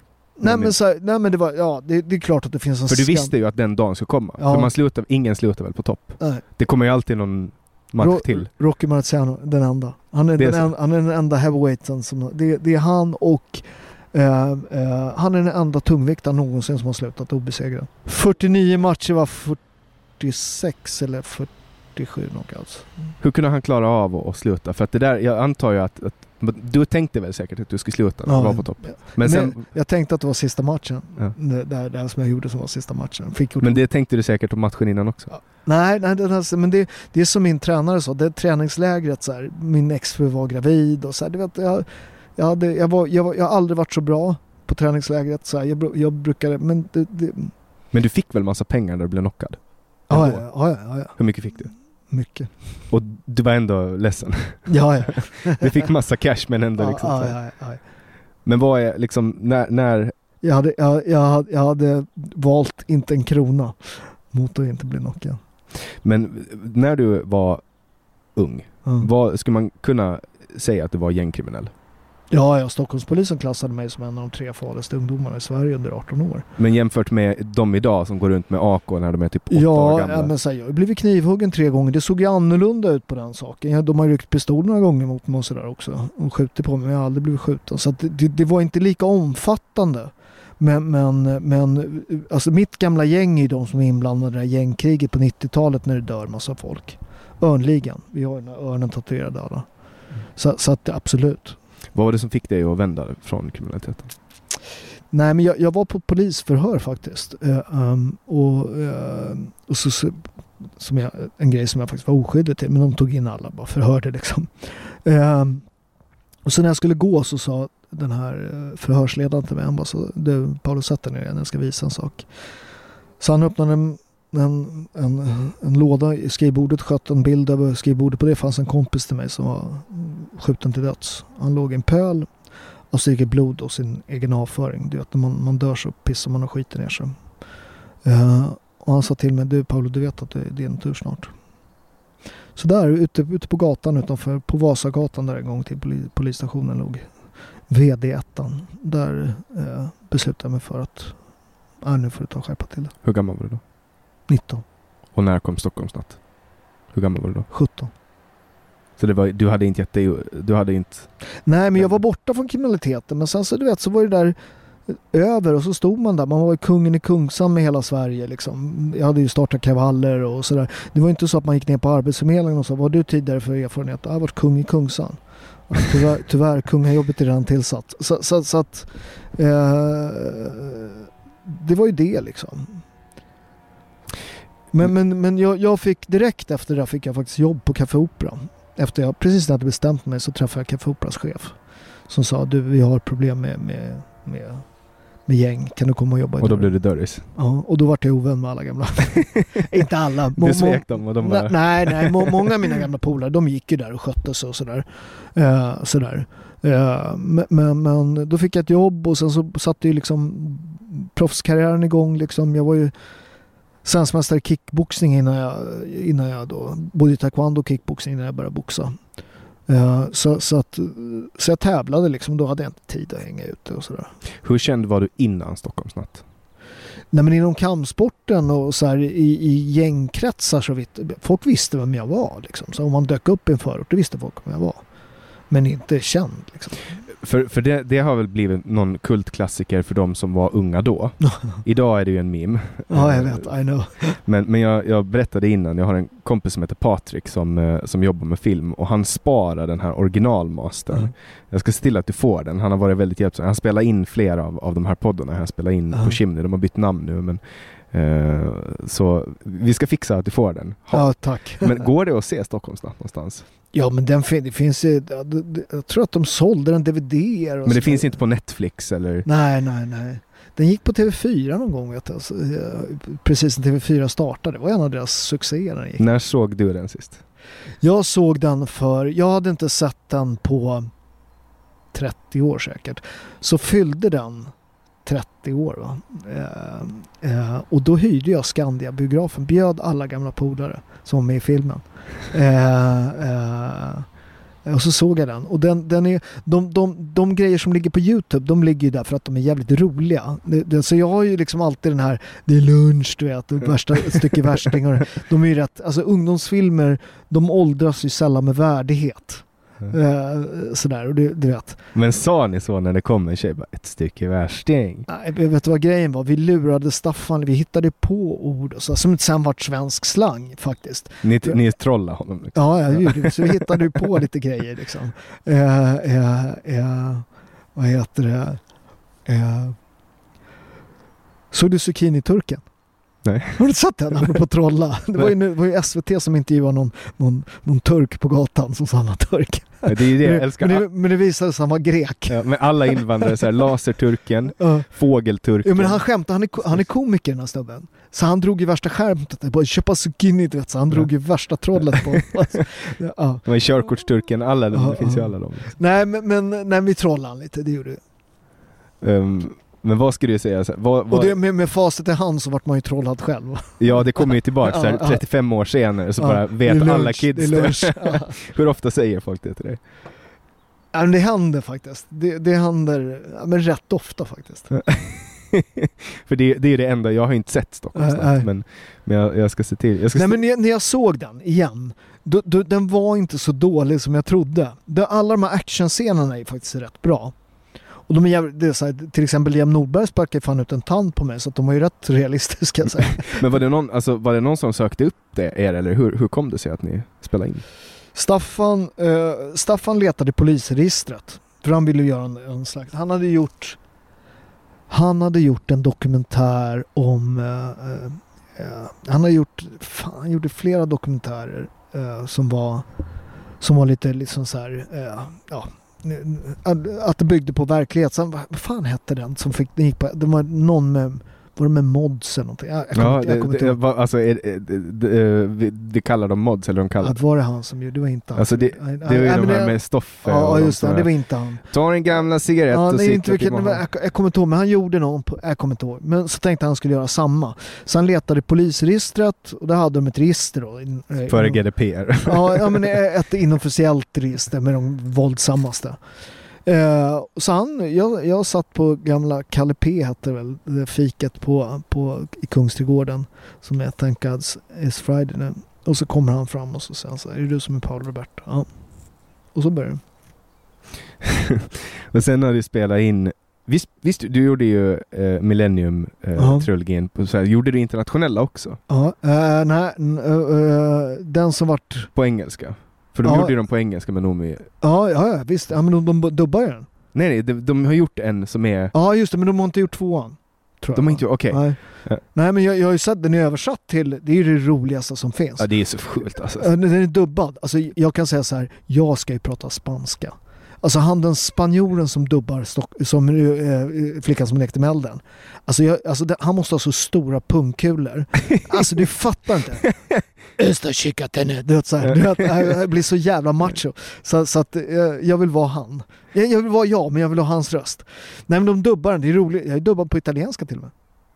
Jätte, Ni skulle kunna ha gjort det själv. Ja. Det var inte jättemånga scener du var med i. Ja. Eh, Men de scener du var med i var det Vill, vill du veta det roliga då? Jag, jag fick provspela för rollen som Paolo Roberto. Du fick provspela? Ja, det är korrekt. Var det någon annan Tänk, som provspelade också? tänk om de hittar någon annan som var bättre på att vara Paolo Roberto. Ja jävlar. I Vem skulle, rollen som Paolo Roberto, Peter Jöback. ja, men vem skulle kunna vara bättre på Paolo Roberto än Jag har dig? ingen aning. Peter Jöback. Jag har sett honom när han gjorde Fantomen på Ja, ja, han är skitbra. Alltså vilken jävla kille. Man vill, Ja, bara, man vill bara gå fram och... ja, ja, ja. Det, är det Inile City som de pratar... Nej, jo det är Inile City de pratar om Peter Jöback. Hon där, hon där som står inne på och lyssnar på skivor. Som berättar att Peter Jöback kommer upp och ställer sig i spagat på bordet. Är det, Jag kommer inte ihåg. och sen gör de ju Torsten Flink i en tunna också. Eh, Ni- Nile City, det är... Eh, jag tror att det är bland det bästa som har gjorts i svensk humor. ja, det är väldigt, väldigt bra. Men sen får det ju för, för Glenn Killing. Ja, jag vill knappt nämna hans namn. Han är ju ärkesosse idag. ja, ja, ja men det... Menar också den här, den här med, med, med vad är det, vad är det, en pizza och en- vad är det han säger? Ja, Netflix-avsnitt och- Netflix och, en pizza Ja, Fanta. ja, och de den, den, är, alltså att den fick så stor spridning är också så här, Vi måste ju säga att det är Henrik Schyffert vi pratar om. Ja, ja nej men så här, eh, den är, den är ju liksom att, att man på så sätt la locket på debatten sådär och alla bara, ja men du vet så här, nej det kostar inte det utan det här har varit väldigt dyrt för Sverige och, och, och, och det får, får konsekvenser för våra barn. Va? Ja, sen där, när- där man sen- i generationer kommer dras med den här, du vet att man inte lyckas få folk i arbete och sånt. Va? Sen kom ju också de riktiga eh, siffrorna. Det var Joakim Ruist när han stod Ja. där i tv-studion Ja. och de bara ifrågasatte hans Ja, ja, ja. Det är det är helt sjukt. sjukaste Ja. intervjun någonsin. Man bara ser på honom hur han bara, vad fan håller de på med? Så här, lämna mig i fred. Men, det säger, men, men så här, grejen är så här, nu, nu börjar de ju vända SVT. Såg du med, med, med, med, med eh, alltså det här med, med elpriserna och allt det där? Liksom, att de har ju, det, det, det, var, det, var, det var inte SVT, det var eh, radio. eh, Sveriges Radio? Nej, ja men åh, P3? Eh, Kaliber va? Som granskade vad han har sagt om det här med vindkraften och allt så här. Och han svamlar bara. Så, så, så att Farman Bach heter han, energiministern. Eh, och han bara svamlar. Så äntligen har de ju börjat liksom eh, kontrollera makten. Men, men, Fast de är men, väl tvungna, men samtidigt så har de ju också steppat upp sitt propagandakrig och så Mm. kör de ut uh, lögncitat på arabiska. Det är, Ja, ja, det, är typ, det är ju typ det mest bisarra som har hänt i år och ingen pratar om det. För, alltså, tänk om det där skulle ha slagit mot sossarna. Typ Peter Hultqvist har blivit fel, felöversatt på ett annat språk. Fan, han har ju också sagt att vi aldrig ska gå med i NATO. Och nu leder han Sverige in i NATO. Du vet, en finsk minister som gör bort sig får ju gå direkt. Mm. Du vet, det var en, en finsk eh, finansminister, eh, nytillträdd, som hon, hon tog in konsulter för mediaträning. Och så blev några konsultfakturor lite för dyra. Hon fick gå. Mm. Men i Sverige är det så att man får gå om man, man köper en Toblerone. Men, men du vet så här, det, det, det, det är en lustig liksom... Men de gillar ju inte henne då, Nej. alltså inne i Socialdemokraterna. Det var ju samma med Håkan Juholt, han behövde inte köpa en Toblerone. Nej. Han, behö- han behövde bara vara sig själv och han var jävligt skön och högern tyckte om honom, därför fick han gå. Men de säger sossarna de har, de, har, de har två mål. Det är att ta makten och behålla makten. Mm. Ja men det är helt uppenbart. Det är helt uppenbart. Vem annars skulle vilja sitta i minoritetsregering? Mm. Regera på någon annans budget? Men eh, hoppet för Sverige då? Det är val, några månader. Nej men jag, jag, jag kommer ju rösta på med, Medborgerlig Samling och alla säger att det är en bortkastad röst. Men, men det, det där är ju så jävla... Hur lång tid tog det för Sverigedemokraterna att komma in? Kristdemokraterna? Det tar ett tag. Eh, och, och så här, jag menar så här, att rösta på Moderaterna det är som att rösta på högersossar. Alltså, de, de, de, alltså bara en sån här grej som med utnämningsmakten. Va? Om man tittar på, det är inte nog med att de liksom har styrt Sverige liksom 75 år nästan av de senaste 100 sossarna. Även om du, om du avsätter dem som, eh, och de blir av med regeringsmakten så har de ju utnämnt alla såna här gamla politruker till, till myndighetschefer. Va? Så det är jättesvårt att styra Sverige för, att- för att du vet. Eh, det är bara att titta på UD där man, när man skriver upp på ett upprop. Eh, Ja det. Nej, men så här, där, där, där alltså tjänsteman på, U- på UD eh, skriver ett upprop att de inte vill, vill alltså så här, säga vad man vill om Sverigedemokraterna men om, om svenska folket har röstat på dem och de får makt över UD det kallas demokrati. Ja, är man tjänsteman så är man Dumskalle, tjänsteman. ja. Ja. det, är där, det, det samma med när de gjorde upprop på Sveriges Radio Mm. för att det inte var tillräckligt mångkulturellt. Mm. Och då är så här, vem är det som har bestämt att det ska vara mångkulturellt och vad är definitionen av mångkultur? Mm. Och varför? Ja, Men det där är också en jävligt irriterande. Så alltså det är jätteviktigt med, med olika färger på folk. Det är Mm. jätteviktigt. Men olika åsikter, det är däremot... Eh, Mm. du vet, du, du, för, för att grejen är så här, du kan ju vara hur, hur brun du vill. Du kan fortfarande vara sosse liksom. Det, är- det är ju det som är problemet med SVT. Att, att det finns en övervägande del med vänster liksom. Mm. Eh, sympatisörer. Ja och sen är det så här, du kan ju, du kan ju ha vilken eh, Du kan ju ha vilken eh, identitet som helst Som till exempel Medborgerlig Samlings partiledare Ilan Sadeh Han fick ju inte åka på ehm, Pride Nej, det är så och han är, han är homosexuell liksom. Ja men här, här är du inte välkommen. Eller som Ryssland nu så här, ja men eh, Zelensky är, är na- nazist. Ja men han är jude också. Det är så här, det där är det. Israel? Israel har skickat någon, någon, någon, någon bataljon, har du sett det? Nej, Med judar, för fan. de har De Är det någon det- armé jag inte vill möta så är det fan Israels armé. Vilka nej. jävla hårdingar. Ja, nej för fan. Du vet. Jag, jag, har, jag har ju en nära vän vars pappa var med i Jom Kippur-striden och det här. Du vet, jävlar vad de slogs och så. Ja, de, de fan vet. Alltså så här, de, Du de, vet Jom Kippur, de var ju nära där och torska. Det hade de inte varit så jävla tappra, du vet. Alltså de, ska man slå ihop en megaarmé, då ska det Mm. vara Finland, Ukraina och Israel. De tre ska fan kunna ta Vad över. heter han, världens, eh, eh, världens mest effektiva sniper genom tiden. Ja, det var ju Vad heter- Vita Döden. Ja just det, vita, vad heter han? Eh, Simo Häihä. Hur många kills? Det är nog helt sjukt. Det, Alltså, det är, han folk är inte ens i närheten. Han var ju, han var, för det första var han 1,60 lång. Ja. Han sköt 742 sovjetiska soldater. Han var, han, han, han var en riktig jävla eh, kämpe. Alltså, han fick ju halva ansiktet bortskjutet ja, just det. och så fortsatte han sk- skjuta ändå. Han bara, nej de tog inte det viktigaste liksom. Så han var, nej men han var, det, det finns mycket sånt där. Och det där är ju, Det är fan den bästa komplimangen någonsin. Eh, vad heter det? Erkki Meronen. Han var eh, proffsdomare. Jäv, jävligt finsk. Det, det, var, det var inte mycket liksom. Han, var, han var inte så snackig. Han har dömt flera av mina matcher. Så här, så här, väldigt, så här, väldigt så här, korrekt, så här, lugn. Så här, inte, du vet, man slösar inte på ord. En riktig... Du vet, om man, om man tänker sig finnar är ju rätt hårda rent generellt. Eh, är man Europamästare i boxning då är man extremt hård finne. Det är faktiskt den bästa kombinationen. Efter jag hade vunnit den här slagen den sydamerikanska mästaren Polen eh, så var det, man varit utburen och du vet, folk jublade och du vet, så här, på festen. Sen, sen på, på hotellet då i baren så kommer Erke fram, går fram så här, stadig blick, tittar med ögonen, la handen på axeln och sa bra. Han. Och han. det var som en bibel av komplimang kan jag säga. ja, det, finns en, det finns en anekdot som jag tycker om som liksom illustrerar Sverige och fi- Finland. Jag vet inte om den är sann. Jag har dragit den förut i den här podden men, men eh, det lär ha varit i början på 2000-talet så skedde det två rån. Ett i Finland och ett i Sverige. Och i Sverige så hade man liksom live-uppdatering med kartor varje dag, Expressen och Ja, ja. Aftonbladet och poliserna hade presstalesmän som berättade vad de höll på med och i Finland så stod det att nu hade det varit ett rån. Mm. Poliserna bekräftade och några dagar senare så hade de en presskonferens och sa att ja, nu är rånarna döda. Vi har skjutit- dem. Erk, Erke också. I min första match mötte en ungrare, slog ner han i första ronden. Ungrarna kastar in handduken. Erke kastar ut handduken. jag, frågade honom efter. Han bara, i Finland, i Finland dömer domaren. det man kunde inte ge sig i Finland. Jag älskar honom.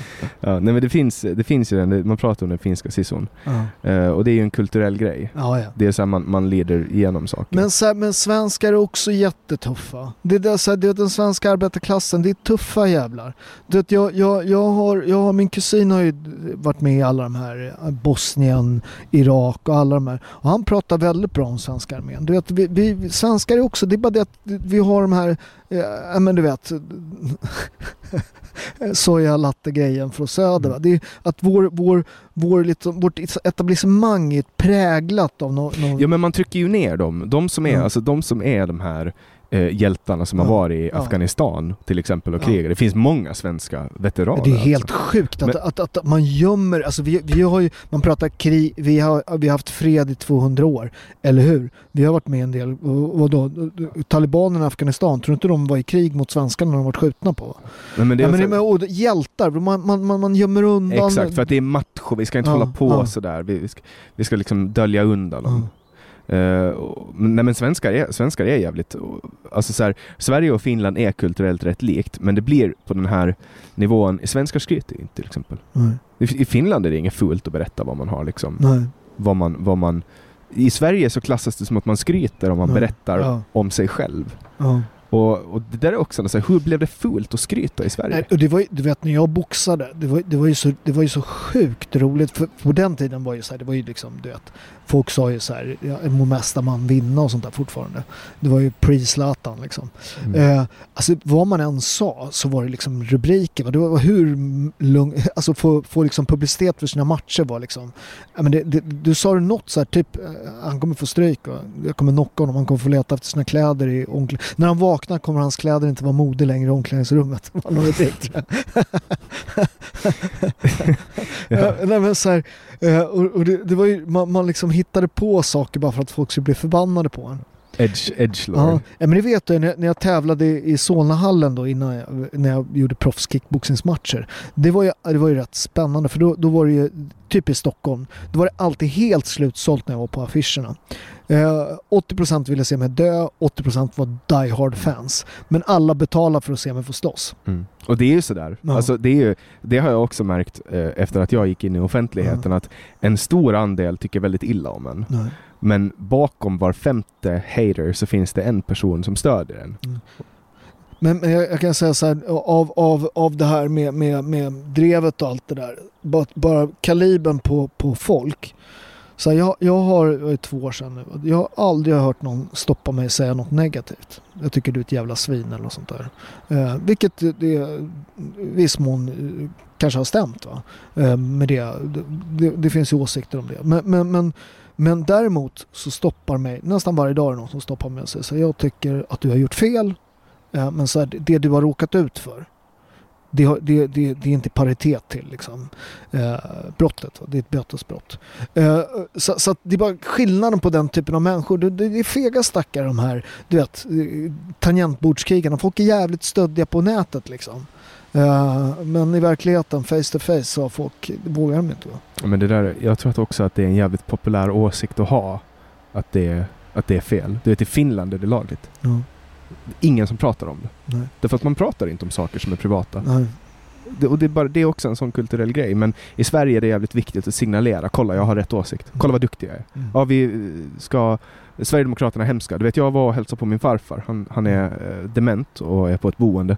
Och det var en sjuksköterska som hade en pin Mm. Där det var en Sverigedemokrat-blomma mm. och, och, och, så var det en gubbe som kastade den i papperskorgen. Ja. Och då sa jag så här, till henne så här, jag kan tycka vad jag vill om Sverigedemokraterna. Och det sa jag så här, man kan tycka vad man vill om ett politiskt parti, mm. men är det okej okay att du jobbar i Stockholms kommun ja. och har en politisk symbol på ja. dig och tar ställning? För att nu tar jag ställning mot. Och då var hon så här, ja, mm, ja men det har inte jag, det har inte jag tänkt på. Det är klart du har. Ja, men, men, eller det kanske hon inte har, det gör det ännu värre. Men vadå, varför ska man hålla på och signalera ja. på det sättet? Nej men hon ska inte göra det i sin tjänst. Hon, får, är... hon får ha den där på sig hur mycket hon än vill va? Men det där är så jävla svenskt, man tar den populära mm. åsikten ja. och så vill man bli populär. Mm. För det är så folk gör, man, alltså folk känner in mm. vad är populärt nu och så. Det fast, därför... det där, fast det där är också, det, det är väldigt mycket Stockholmsfenomen. Jag, jag, jag tycker man ska akta sig för att prata om svenskar. Uh, så här, alltså det finns den, den, den svenska medelklassen, en del av den, eh, i innerstan Stockholm, de är rätt, det är fega jävlar liksom. Mm. Kappvändare hela gänget va. Eh, och det vet jag när jag var i feministdebatter att så här, folk kom fram och sa det är bra att du säger det. Men vadå det är bra att du säger? Gör det själv för fan. Ta, ta på lite du måste ju säga ifrån i din liksom, men det vågar de inte va. Vågar inte säga till sin fru vad de tycker va. Eh, så, så, så, att eh, jag kommer ihåg, det här var det löjligaste mm. drevet som jag tror någon i Sverige har blivit utsatt för. Det var när du laddade upp en bild, typ 2016, ett meme som var så här eh, att kvinnobröst är beviset på att män kan fokusera på två saker oh, samtidigt. Och så bara kommer världens drev. Ja. Man bara säger, det var inte ens ditt skämt. Det, var, nej men det var till och med ett skämt om män. Att de, ja, och det var ju inte ens ditt, du bara repostade ja, liksom. Alltså så här, hur kan det vara? Och sen var det ju också så här, var, var det Filip och Fredrik som, ja, tog, Filip Fredrik. Ja, som tog in någon ung brud mm. som liksom satt och ritade upp en triangel mm. och, och, som visar liksom hur ett skämt leder till våld genom att liksom först skriva skämt mm. och sen det våld. våldtäkter. Ja, och, och det är så här, Men du vet, du vet, du vet, du vet var den kommer från, den triangeln va? Ja, alltså den är påhittad någonstans. Ja, det är men det. det, de har ju bara, det är en gammal kommunistisk, liksom, du vet. Med, med, det där är marxism. Ja, det är, det är också... Det är, exakt samma, det är exakt samma pyramid, bara att de har bytt ut. Ja, men det är också retorik. Mm. Jag, skulle kunna, jag skulle kunna sitta här och argumentera för att jag skulle kunna rita upp en triangel mm. som visar att um, att äta din pasta leder till fetma. Och då ritar jag en triangel mm. och så ritar jag Paulos pasta mm. och sen därunder så skriver jag fetma. Och så förklarar jag på ett trovärdigt sätt att ja, det, är ju alltså, det finns ju otaliga studier som visar på hur kolhydrater leder till fetma, att det är farligt och att vi har en skenande eh, pandemi av eh, övervikt. Och, och, och, så bara liksom på något sätt bara bygger man upp det här retoriskt med mm. etos och patos och sen har man det. Mm. Och det är ingen som ifrågasätter de här förklaringsmodellerna. Nej men det, rent generellt den här feministiska, den är, har du sett den här? Den, den är på Youtube, de, de, de är, den är väldigt rolig. De är, de är Det är några som, som de, är, de är på Joe Rogan bland annat, men jag har läst artiklar av dem också. Eh, De som hittar på studier. Ja, Ja. Men de, de, de, de, och får det publicerat, Ja. alltså ansedda feministiska eh, vetenskapliga Ja. tidskrifter. Vad är de, de, de, de, de gör ju bland annat Mein Kampf va? Ja, de tar, kapitel 6 Ja. eller 11 Ja. när han förklarar, när Adolf Hitler förklarar liksom vad den slutgiltiga lösningen är. eh, hur man ska utrota judar. Det är liksom, byter de ut orden, de byter ut Ja. judar mot Ja. typ Ja. män eller något Ja. sånt. Nej men och fullt, de, de, de skrev och hittade på, alltså som är helt bisarr när de läser ur den. Nå, någon med, med, med eh, vad är det, patriarkala strukturer i hundrastgårdar och du vet så här. Nu är liksom, vi fick ta en liten paus nu, det sprätta upp ur och bara nu måste vi äta mellanmål. Ja, alltså jag, jag har den kille som ska tävla i thaiboxning här i eh, juni som är här och, och tränar. Så att jag ska kolla. Min son ska käka mellanmål också, men han är dålig på det. Så, jag läs, så det är sparring både jag och han. Och, Och du bara skriker på italienska så att han ska hälla in protein i ansiktet. ja, men, så här, men italienska är så mycket bättre språk att ge order på. Det, det, det liksom... Det låter ju som att du skäller ut honom. Typ, Ja, ja. Jag kommer in och vrider huvudet av dig din jävla unge. Ja, ja. Nej men det, det, det, jag tycker, det, som jag sa, det, jag tycker både, jag, folk ofta jag pratar om den italienska kulturen väldigt mycket när jag är i Sverige. Men jag tycker väldigt mycket om den svenska kulturen också. Jag är född här och präglad och jag är en fjärdedel svensk liksom, så att, alltså genetiskt. Men när du är nere i Italien, hur, hur, ser de dig som italiensk då? Märker de att du inte är italiensk? Nej, de, de, de, de brukar skratta åt mig. De, de, de, de, min, jag har en kusin som alltid säger om att tra tutti caffoni, alla, alla, alla, bland alla bondjävlar eh, så är du den värsta bondjäveln. Caffone, det, det, det, det, det är ett nedsättande ord på bonde. Eh, men det går också att använda positivt.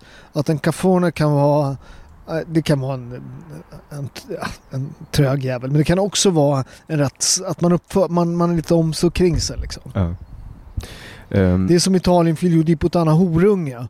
Det, det, det är en förolämpning. Men om man agerar, men du, ah, säg hon figlio, du är en riktig horunge. Det är, det är nog bra ja. för att det beror på betoningen. Ja, ja, ja, ja. Nej men i vilket sammanhang? Du vet, Mm. en, du vet, är man född på gatan så är man smart. Man är street smart. Mm. Så det, det, ord går att använda dubbelbotten. Ja, alltså man kan ju, man kan ju vara dum Mm. eh, och så kan man vara dum. Är så man, ant- man är korkad eller så är man elak. Ja. Det går ju att använda och det är också sammanhangsmässigt. Ehm, men, men för att konkludera liksom hela det här samtalet. ehm, Och det sprätter lite från ja, men då- det, och det är inget ovanligt. Kung, kungar till finsk politik. Ja, jag försöker alltid glida in på Napoleon. Jag har ett specialintresse, så lite halvautistiskt specialintresse på Napoleon. Så Alexander Bard jag pratar Napoleon med. Men du vet, han, han blev ju helt liksom inne i det. För att ja. Han, han, är, han gillar ju de här gamla. Ehm, eh, han är också någon som, du vet, hur många gånger som helst så kommer drevet på honom. Ja, men han, han, han är ju... ett- Men det är roligt en del grejer han säger så att de, de plockar ut det liksom ur sitt sammanhang. De är väldigt bra på det där att skruva saker. Va? Ja visst fan är de det. Det är ju det, är det de... det är deras affärsmodell Ja. liksom. De hittar. Men okej, ehm, har du gått med i Medborgerlig Samling? I partiet? Jag är med, jag har betalt till och med. Mm. Vilka, då är det i Stockholmsregionen Mm. som det Kommer du att ställa upp i framtiden? För nu är listorna spikade och så. Ja, ja nej, men jag, jag, jag, jag kommer hjälpa partiet så mycket jag kan. Jag tycker att ni alla, eh, även om ni inte ska, ska rösta, att ni går in och betalar medlemsavgift. För att det behövs ett riktigt borgerligt alternativ. Eh, alltså ni som vill ha libertarianer. Det finns bara ett parti. Mm. Och sen, sen handlar det också, man kan inte, jag möter jag har gått med i Medborgerlig Samling nu. Och där är det, folk är så här, "Åh, kommer du kasta bort din röst? Men vad om alla tänker så är det Ja. klart att man kastar bort sin röst då. Nej men det, det, det, finns inget, det finns inget borgerligt alternativ. Det är, Det Lill- det är Lill- Lill-Uffe som säger att han är borgerlig men han är men han inte. är ju inte det. Nej. Den här decemberuppgörelsen, hela den grejen är helt sinnessjuk va? Nu när hur, Centern är... hur, hur, hur man spelar, jag menar, så här, jag menar som Centern. Jag menar, folk har ju röstat på ett borgerligt parti där. Mm. Hon skulle käka upp sin sko, att hon kom undan med den va? Ja det var ju någon annan som sa det, sa hon. Ja. Det var inte hon som sa det. Nej, det var sen när, när, när det väl var dags att äta upp skon, då var det någon annan som hade sagt Ja, det.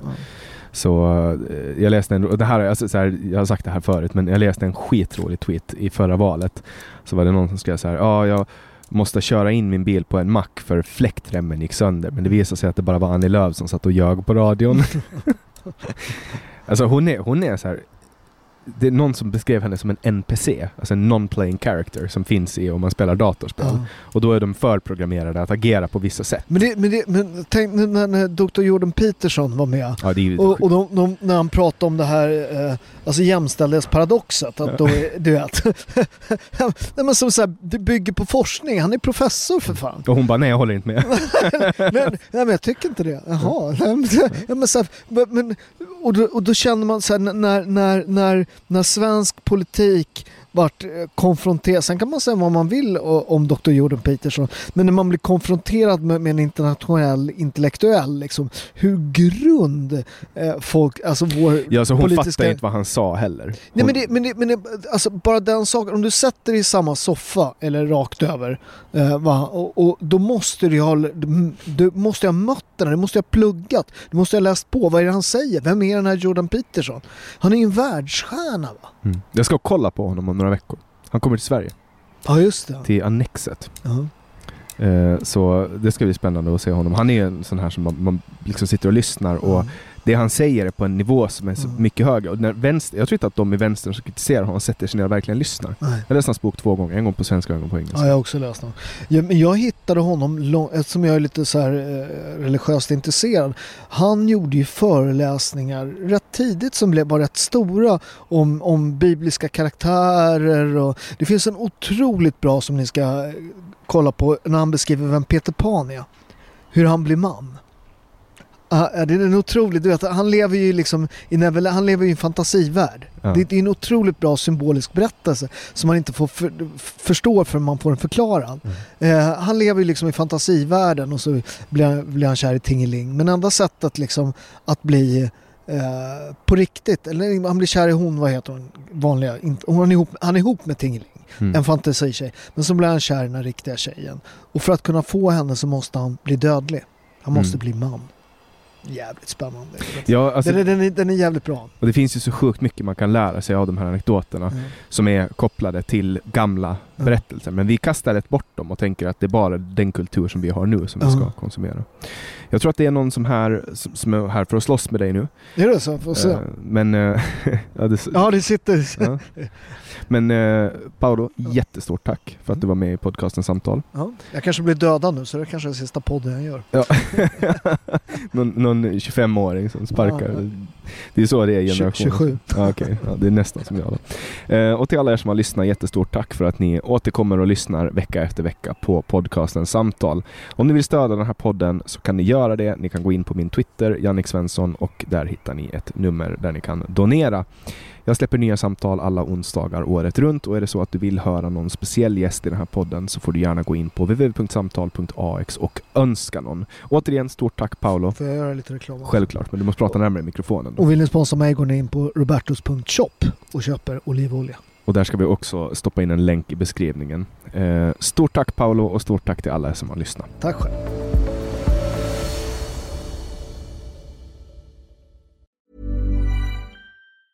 Planning for your next trip? Elevate your travel style with Quince. Quince has all the jet setting essentials you'll want for your next getaway, like European linen, premium luggage options, buttery soft Italian leather bags, and so much more. And is all priced at 50 to 80% less than similar brands. Plus, Quince only works with factories that use safe and ethical manufacturing practices. Pack your bags with high-quality essentials you'll be wearing for vacations to come with Quince. Go to quince.com slash pack for free shipping and 365-day returns. Even when we're on a budget, we still deserve nice things. Quince is a place to scoop up stunning high-end goods for 50 to 80% less than similar brands. They have buttery soft cashmere sweaters starting at $50, luxurious Italian leather bags, and so much more. Plus, Quince only works with factories that use safe, ethical, and responsible manufacturing. Get the high-end goods you'll love without the high price tag with Quince. Go to quince.com slash style for free shipping and 365-day returns.